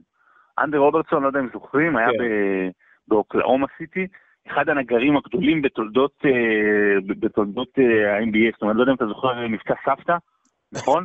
כן. שהוא צריך לעשות את הארון קבורה בנגרייה, נכון? והנו, המתנדב הזה, והוא עושה כן. כאילו ארון קבורה גרוע, אז אז הוא כזה, הוא נגר כזה גרוע, ממש, הוא אחד הנגרים הגדולים שם. שהוא רוקד טרנסים. נכון. ואז- כן, אז זה אנדרי רוברטסון ברמת הנגרות, אבל הוא שחקן הגנה טוב, אתה יודע, שחקן הגנה טוב, אתה צריך את ה... הוא, שנייה, שנייה, אבל... שנייה, הוא, הוא היה שחקן הגנה טוב, הוא עבר גם כמה פציעות uh, קשות. דרך אגב, גם דורנט הוא שחקן הגנה אדיר, אבל אני רוצה לראות איך האכילס הזה עובד במשחק פלייאוף אחרי 40 דקות. אה, זה, זה מעניין אותי. אה, אני אומר, אם, תראה, משחק צמוד מול ברוקלין לא יהיה דבר כיפי עבור אף אחד. אה, לא עבור ברוקלין, שלא תוכל להשיג את העצירות בהגנה, ולא כן. עבור מי שנגד ברוקלין, שלא יוכל להציר, אה, להשיג את העצירות בהגנה. אבל בסופו של דבר, זה ייגמר בזה שאם זה בן סימונס או שחקן אה, הגנה דומיננטי אחר, ינצח את הוואן און וואן עם הרדן או דורנט או עם אה, קיירי, למרות שזה קשה. ו... זה העניין שיש לך רק בן סימונס אחד בקבוצה או כאלה, אתה יודע, אתה צריך שלושה כאלה, זה- זה הבעיה. נכון ולא נכון, כי הכדור עדיין אצל אחד, ואני לא יודע לגבי התנועה ללא כדור של קיירי והרדן ב- ב setting של פלייאוף, אבל בוא, אתה יודע, בוא... זה, זה, בוא לא נקדים אה, כן. למכה. כן. בדיוק, זה, זה עוד רחוק. עוד איזה מישהו שחוץ מיוטה ג'אז שדיברנו עליה בהרחבה לפני אה, כמה פודים, אה, יש איזה עוד אה, קבוצה שמרשימה אותך, או קבוצה שמעניינת אותך במיוחד? אה, יוטה כמובן, אתה יודע, זה מדהים. אה, אני חושב שפיניקס, אוקיי. אני חושב שפיניקס וקריס פול, אני חושב שפיניקס וקריס פול, זאת אומרת, אני, אני עשיתי בשנים האחרונות באופן יחסי למה שעושים, אני כאילו, אני חשבתי שמסתכלים על אה, קריס פול צירה, טיפה בצורה overrated, אוקיי? ולמה? כי הוא שחקן מדהים, והוא אחד החכמים, והוא מנהיג, ו- ומספרים, אתה יודע, ואסיסטים, ובאמת, באמת, באמת שחקן מדהים, אבל כאילו רבאק, הבן אדם פעם אחת, וגם זה בזכות הרדן הגיע לגמר אזורי. כן. כאילו, לא, לא, אתה יודע, רק לגמר אזורי. אה, ו- ו- והשנה, בקיץ, הוא עשה מהלך מפתיע. ובמקום לעת זקנה, ללכת לקבוצה ש... שאתה יודע, בוא, בוא, בוא נהיה כזה גרי פייטון, שלקראת זקנה נלחם כדי להביא טבעת, אתה יודע, ודברים כאלה, כמו שהוא עשה במיאמי בסוף ב-2006. אז לא, אז קריס פול הולך לפיניקס, קבוצה עם המון המון צעירים, עם אה, סופרסטאר שיכול להיות עתידי כמו דווין בוקר, והולך שם להנהיג קבוצה של צעירים, והקבוצה באופן יחסי אה, מצליחה. קריס פול נותן עונה, עונה מדהימה, באמת, אה, גם מבחינת אה, אופי וגם מבחינת מספרים, ולפעמים גם רגעי קלאץ', ו- ואני נורא, הוא כאילו, אתה יודע, לפעמים, לפעמים הגדולה של השחקנים, או אתה יודע, כשאני עושה לפעמים דירוגים בכל מיני מקומות, אז, אז השנים האחרונות מעצבות את ה... איך, איך אתה מסתכל. אה, זה היה למשל עם אה, וינס קרטר בזמנו, או אפילו עם גרנט היל, כן. שבאמצע היה התחלה מדהימה, ובאמצע המון המון שנים לא טובות, או בינוניות, או מלאות תככים אה, מחוץ למגרש, ואז יש משהו שמשנה בשנים האחרונות איך בן אדם מצליח לשנות את עורו, או נאלץ, אבל עושה את זה בצורה יפה, ווואלה, קריס פול מרשים אותי כמעט באותה צורה. אמ, כן, אה, אה, אתה יודע, זה היה תחרות. מי לא, היה רצף של, אני לא זוכר, אה, 10 עונות, 11 עונות של פיניקס ללא פלייאוף, ורצף של 12 עונות של קריס פול בפלייאוף. אז היה כאילו, זה סוג של תחרות מי, מי הצליח לשבור את הרצף, וקריס פול, אה, זה נראה כמעט בטוח שפיניקס יהיו בפלייאוף. אמ, אה, דמיאן לילארד, מה, אה, ת, תקשיב, זה בלי סי.ג'יי מקולום, בלי נרקיץ', יכול להיות שאנחנו לא מסתכלים עליו כמו שצריך בעניין הזה של ה-MVP, בריצה לתואר ה-MVP? אמ, אני לא חושב ש-MVP, אני אגיד לך משהו אחר שמסתכלים עליו לא נכון. יש את סוגיית האולסטאר, שכאילו כל פעם מח- מחדש אה, הוא סנאב והוא לא, לא נבחר, דמיין לילארד, ואני חושב שאנשים לא מבינים בדיוק את ההבדל בין אולסטאר לבין באמת, כמו שאמרת, בחירות MVP וחמישיות עונה. אה, אולסטאר מורכב מפופולריות ומעניינים, ולאו דווקא השחקנים הכי טובים, וזה שלוקה דונצ'יץ' נבחר לפני דמיאן לילארד, אתה יודע, דונצ'יץ' הוא ברמת פופולריות שלא נראתה מאז ימי לברון בתחילת קריירה, בגלל העולם ובגלל סוג, סוג, סגנון משחק והכל. דמיאן לילארד הוא בוודאות חמישיית העונה, דמיאן לילארד בוודאות, אה, אני חושב להגיד, הרכז אולי הכי טוב בליגה היום. אה, וגם המנהיג הכי טוב בליגה. כלומר, אה, אה, שחקן- שחקן הקלאץ' אולי הכי טוב בליגה, די אין טיים. זה קורה בלי מקולום, הקבוצה נראה, גם צריך להזכיר, אה, נורקיץ' גם פצוע שם, באמת יש יש כן. לא מעט פציעות בפורטנד, גם עוד- עוד מימי אה, עוד מימי ביל וולטון, מביל וולטון וגרג אודן. זה ב-DNA, זה ב-DNA שלהם. בדיוק, סנטרים לא יכולים לחיות ב- בפורטלנד. אה, דמיאן לילארד אה, חמישיית עונה בטוח, MVP כרגע זה איפשהו בין אה, יוקיץ', אמביד ולברון, שלברון זו תקופה כרגע משמעותית עבורו בלי דייוויס, וזה כרגע לא הולך, הם קצת מפסידים. אם הוא מצליח לנצח בתקופה הזו, אז לדעתי הוא יזכה. אה, טוב, תגיד, אתה מוכן למקבילית המוחות? מה זה, אני... אה, ברור, ברור, אני חיכיתי לזה הרבה זמן. אוקיי, אז ככה. נמצא איתנו באולפן עודד שטסטקוביץ'. תראה, אני עושה את אני ההומאז'ים. אני עושה, הומאז'ים ליצחק שמעוני ולא לזרחוביץ', אבל אה, הסיפור הוא ככה, שלוש שאלות, אה, הסט הראשון של השאלות בתחום שנבחר על ידי המשתתפים עצמם, והשני אה, ידע כללי והשכלה כללית בספורט, על כל תשובה נכונה אתה מקבל נקודה, ואז אתה נכנס לטבלה וכו' וכו', אז מי אתה כבודו? אני אה, חייל, סטודנט, אה, נולדתי ברחובות, אוהב את החיים ואוהב לבלות. והנושא שבחרת? אה, סדרות גמר ב-NBA ב-200 שקל, בשנות ה-90. סבבה. ואני מתחיל. בסדרת הגמר של 1994, הקלה המצטיין של יוסטון רוקטס היה הקים אלג'ואן. מי היה הקלה השני המצטיין של יוסטון באותה סדרה? אה, זה שקיבל סטירה, איך קוראים לו רב רבק? אה, וואי, אה, אני אנחש, אני אגיד אולי אוטיס טורפ? טעות, ורנון מקסוול. נכון, זה שקיבל סטירה, נכון, קיבל סטירה. אה, שאלה שנייה, במשחק האחרון של סדרת הגמר 1998, כמה נקודות מייקל ג'ורדן קלע? 30, 39. 45 מ-87 נקודות. אה, אבל זה היה עם ביטחון עצמי, זה היה טוב. לא, לא, כי אני זוכר, יצא המספרים האלה מהדהדים בראש. מי אמר ומתי? אתם יכולים להגיד עליי מה שאתם רוצים להגיד עליי, אבל אתם לא יכולים להגיד שאני לא ווינר. זה, זה נשמע כמו משהו מטה, אז אני אלך על כאילו, כמו זה, אז אה, קרמלון. איזיה תומאס בסוף סדרת הגמר 1990. אה, טוב, הוא זכה פעם שנייה. כן. אוקיי, אה, אפס משלוש בנושא שבחרת. יפה, כל הכבוד לי. כל- כל הכבוד, אבל אה, כולם אה, נכנסים ולכולם יש צ'אנס אחר כך לזכות בנוקאוט. אוקיי, שאלות ידע כללי. מי החברים לקבוצה היחידה, סליחה, מי החברים לקבוצה היחידים בהיסטוריה של ה-NBA שרשמו טריפל דאבל באותו משחק יותר מפעם אחת בעונה? כאילו שניים שרשמו, שני, שני חברים שרשמו באותה עונה פעמיים, פעמיים טריפל דאבל באותו משחק. שני, שני שחקנים באותה קבוצה. כן. אז אה, ראסל ווסטברוק וקווין דורנט. לא, ג'ימי באטלר ובאם אדבאיו, העונה. וואו. לא שמתי לב לדבר הזה. וואו. בוא נמחק את ה... בוא נתחיל מחדש. מי כבש את השער המהיר ביותר בתולדות חמש הליגות הגדולות? בכדורגל, אנחנו כבר לא NBA. כן.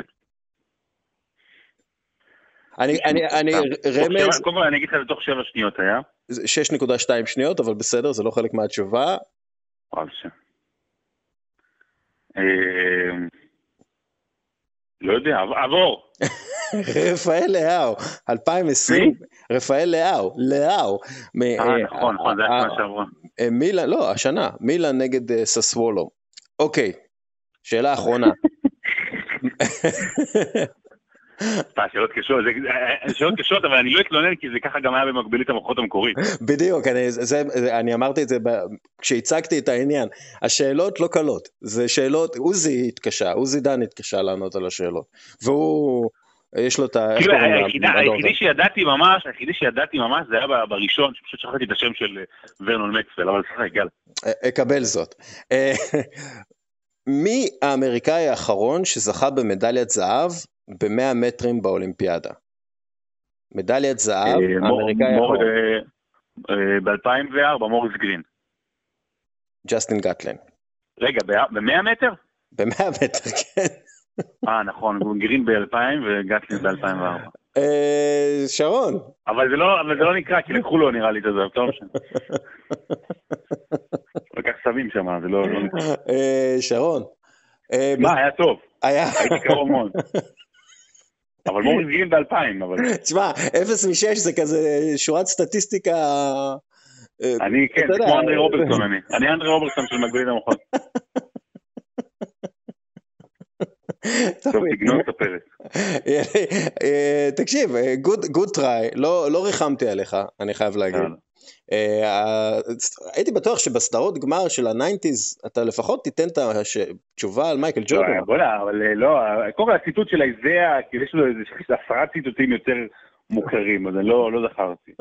אה, מייקל זה טריקר, וכן, זה נכון, 45 נקודות. והראשון ידעתי, אבל אה, שכחתי את השם שלו. אז בעצם זה שלוש משש. ב-XG של השאלות והתשובות אתה אתה שלוש טוב. משש. כן. בדיוק, אבל בגלל זה אני לא אוהב את ה-XG. אה, שרון, אה, thank you for- thank you for being a good sport, כמו שאומרים האמריקאים. כן.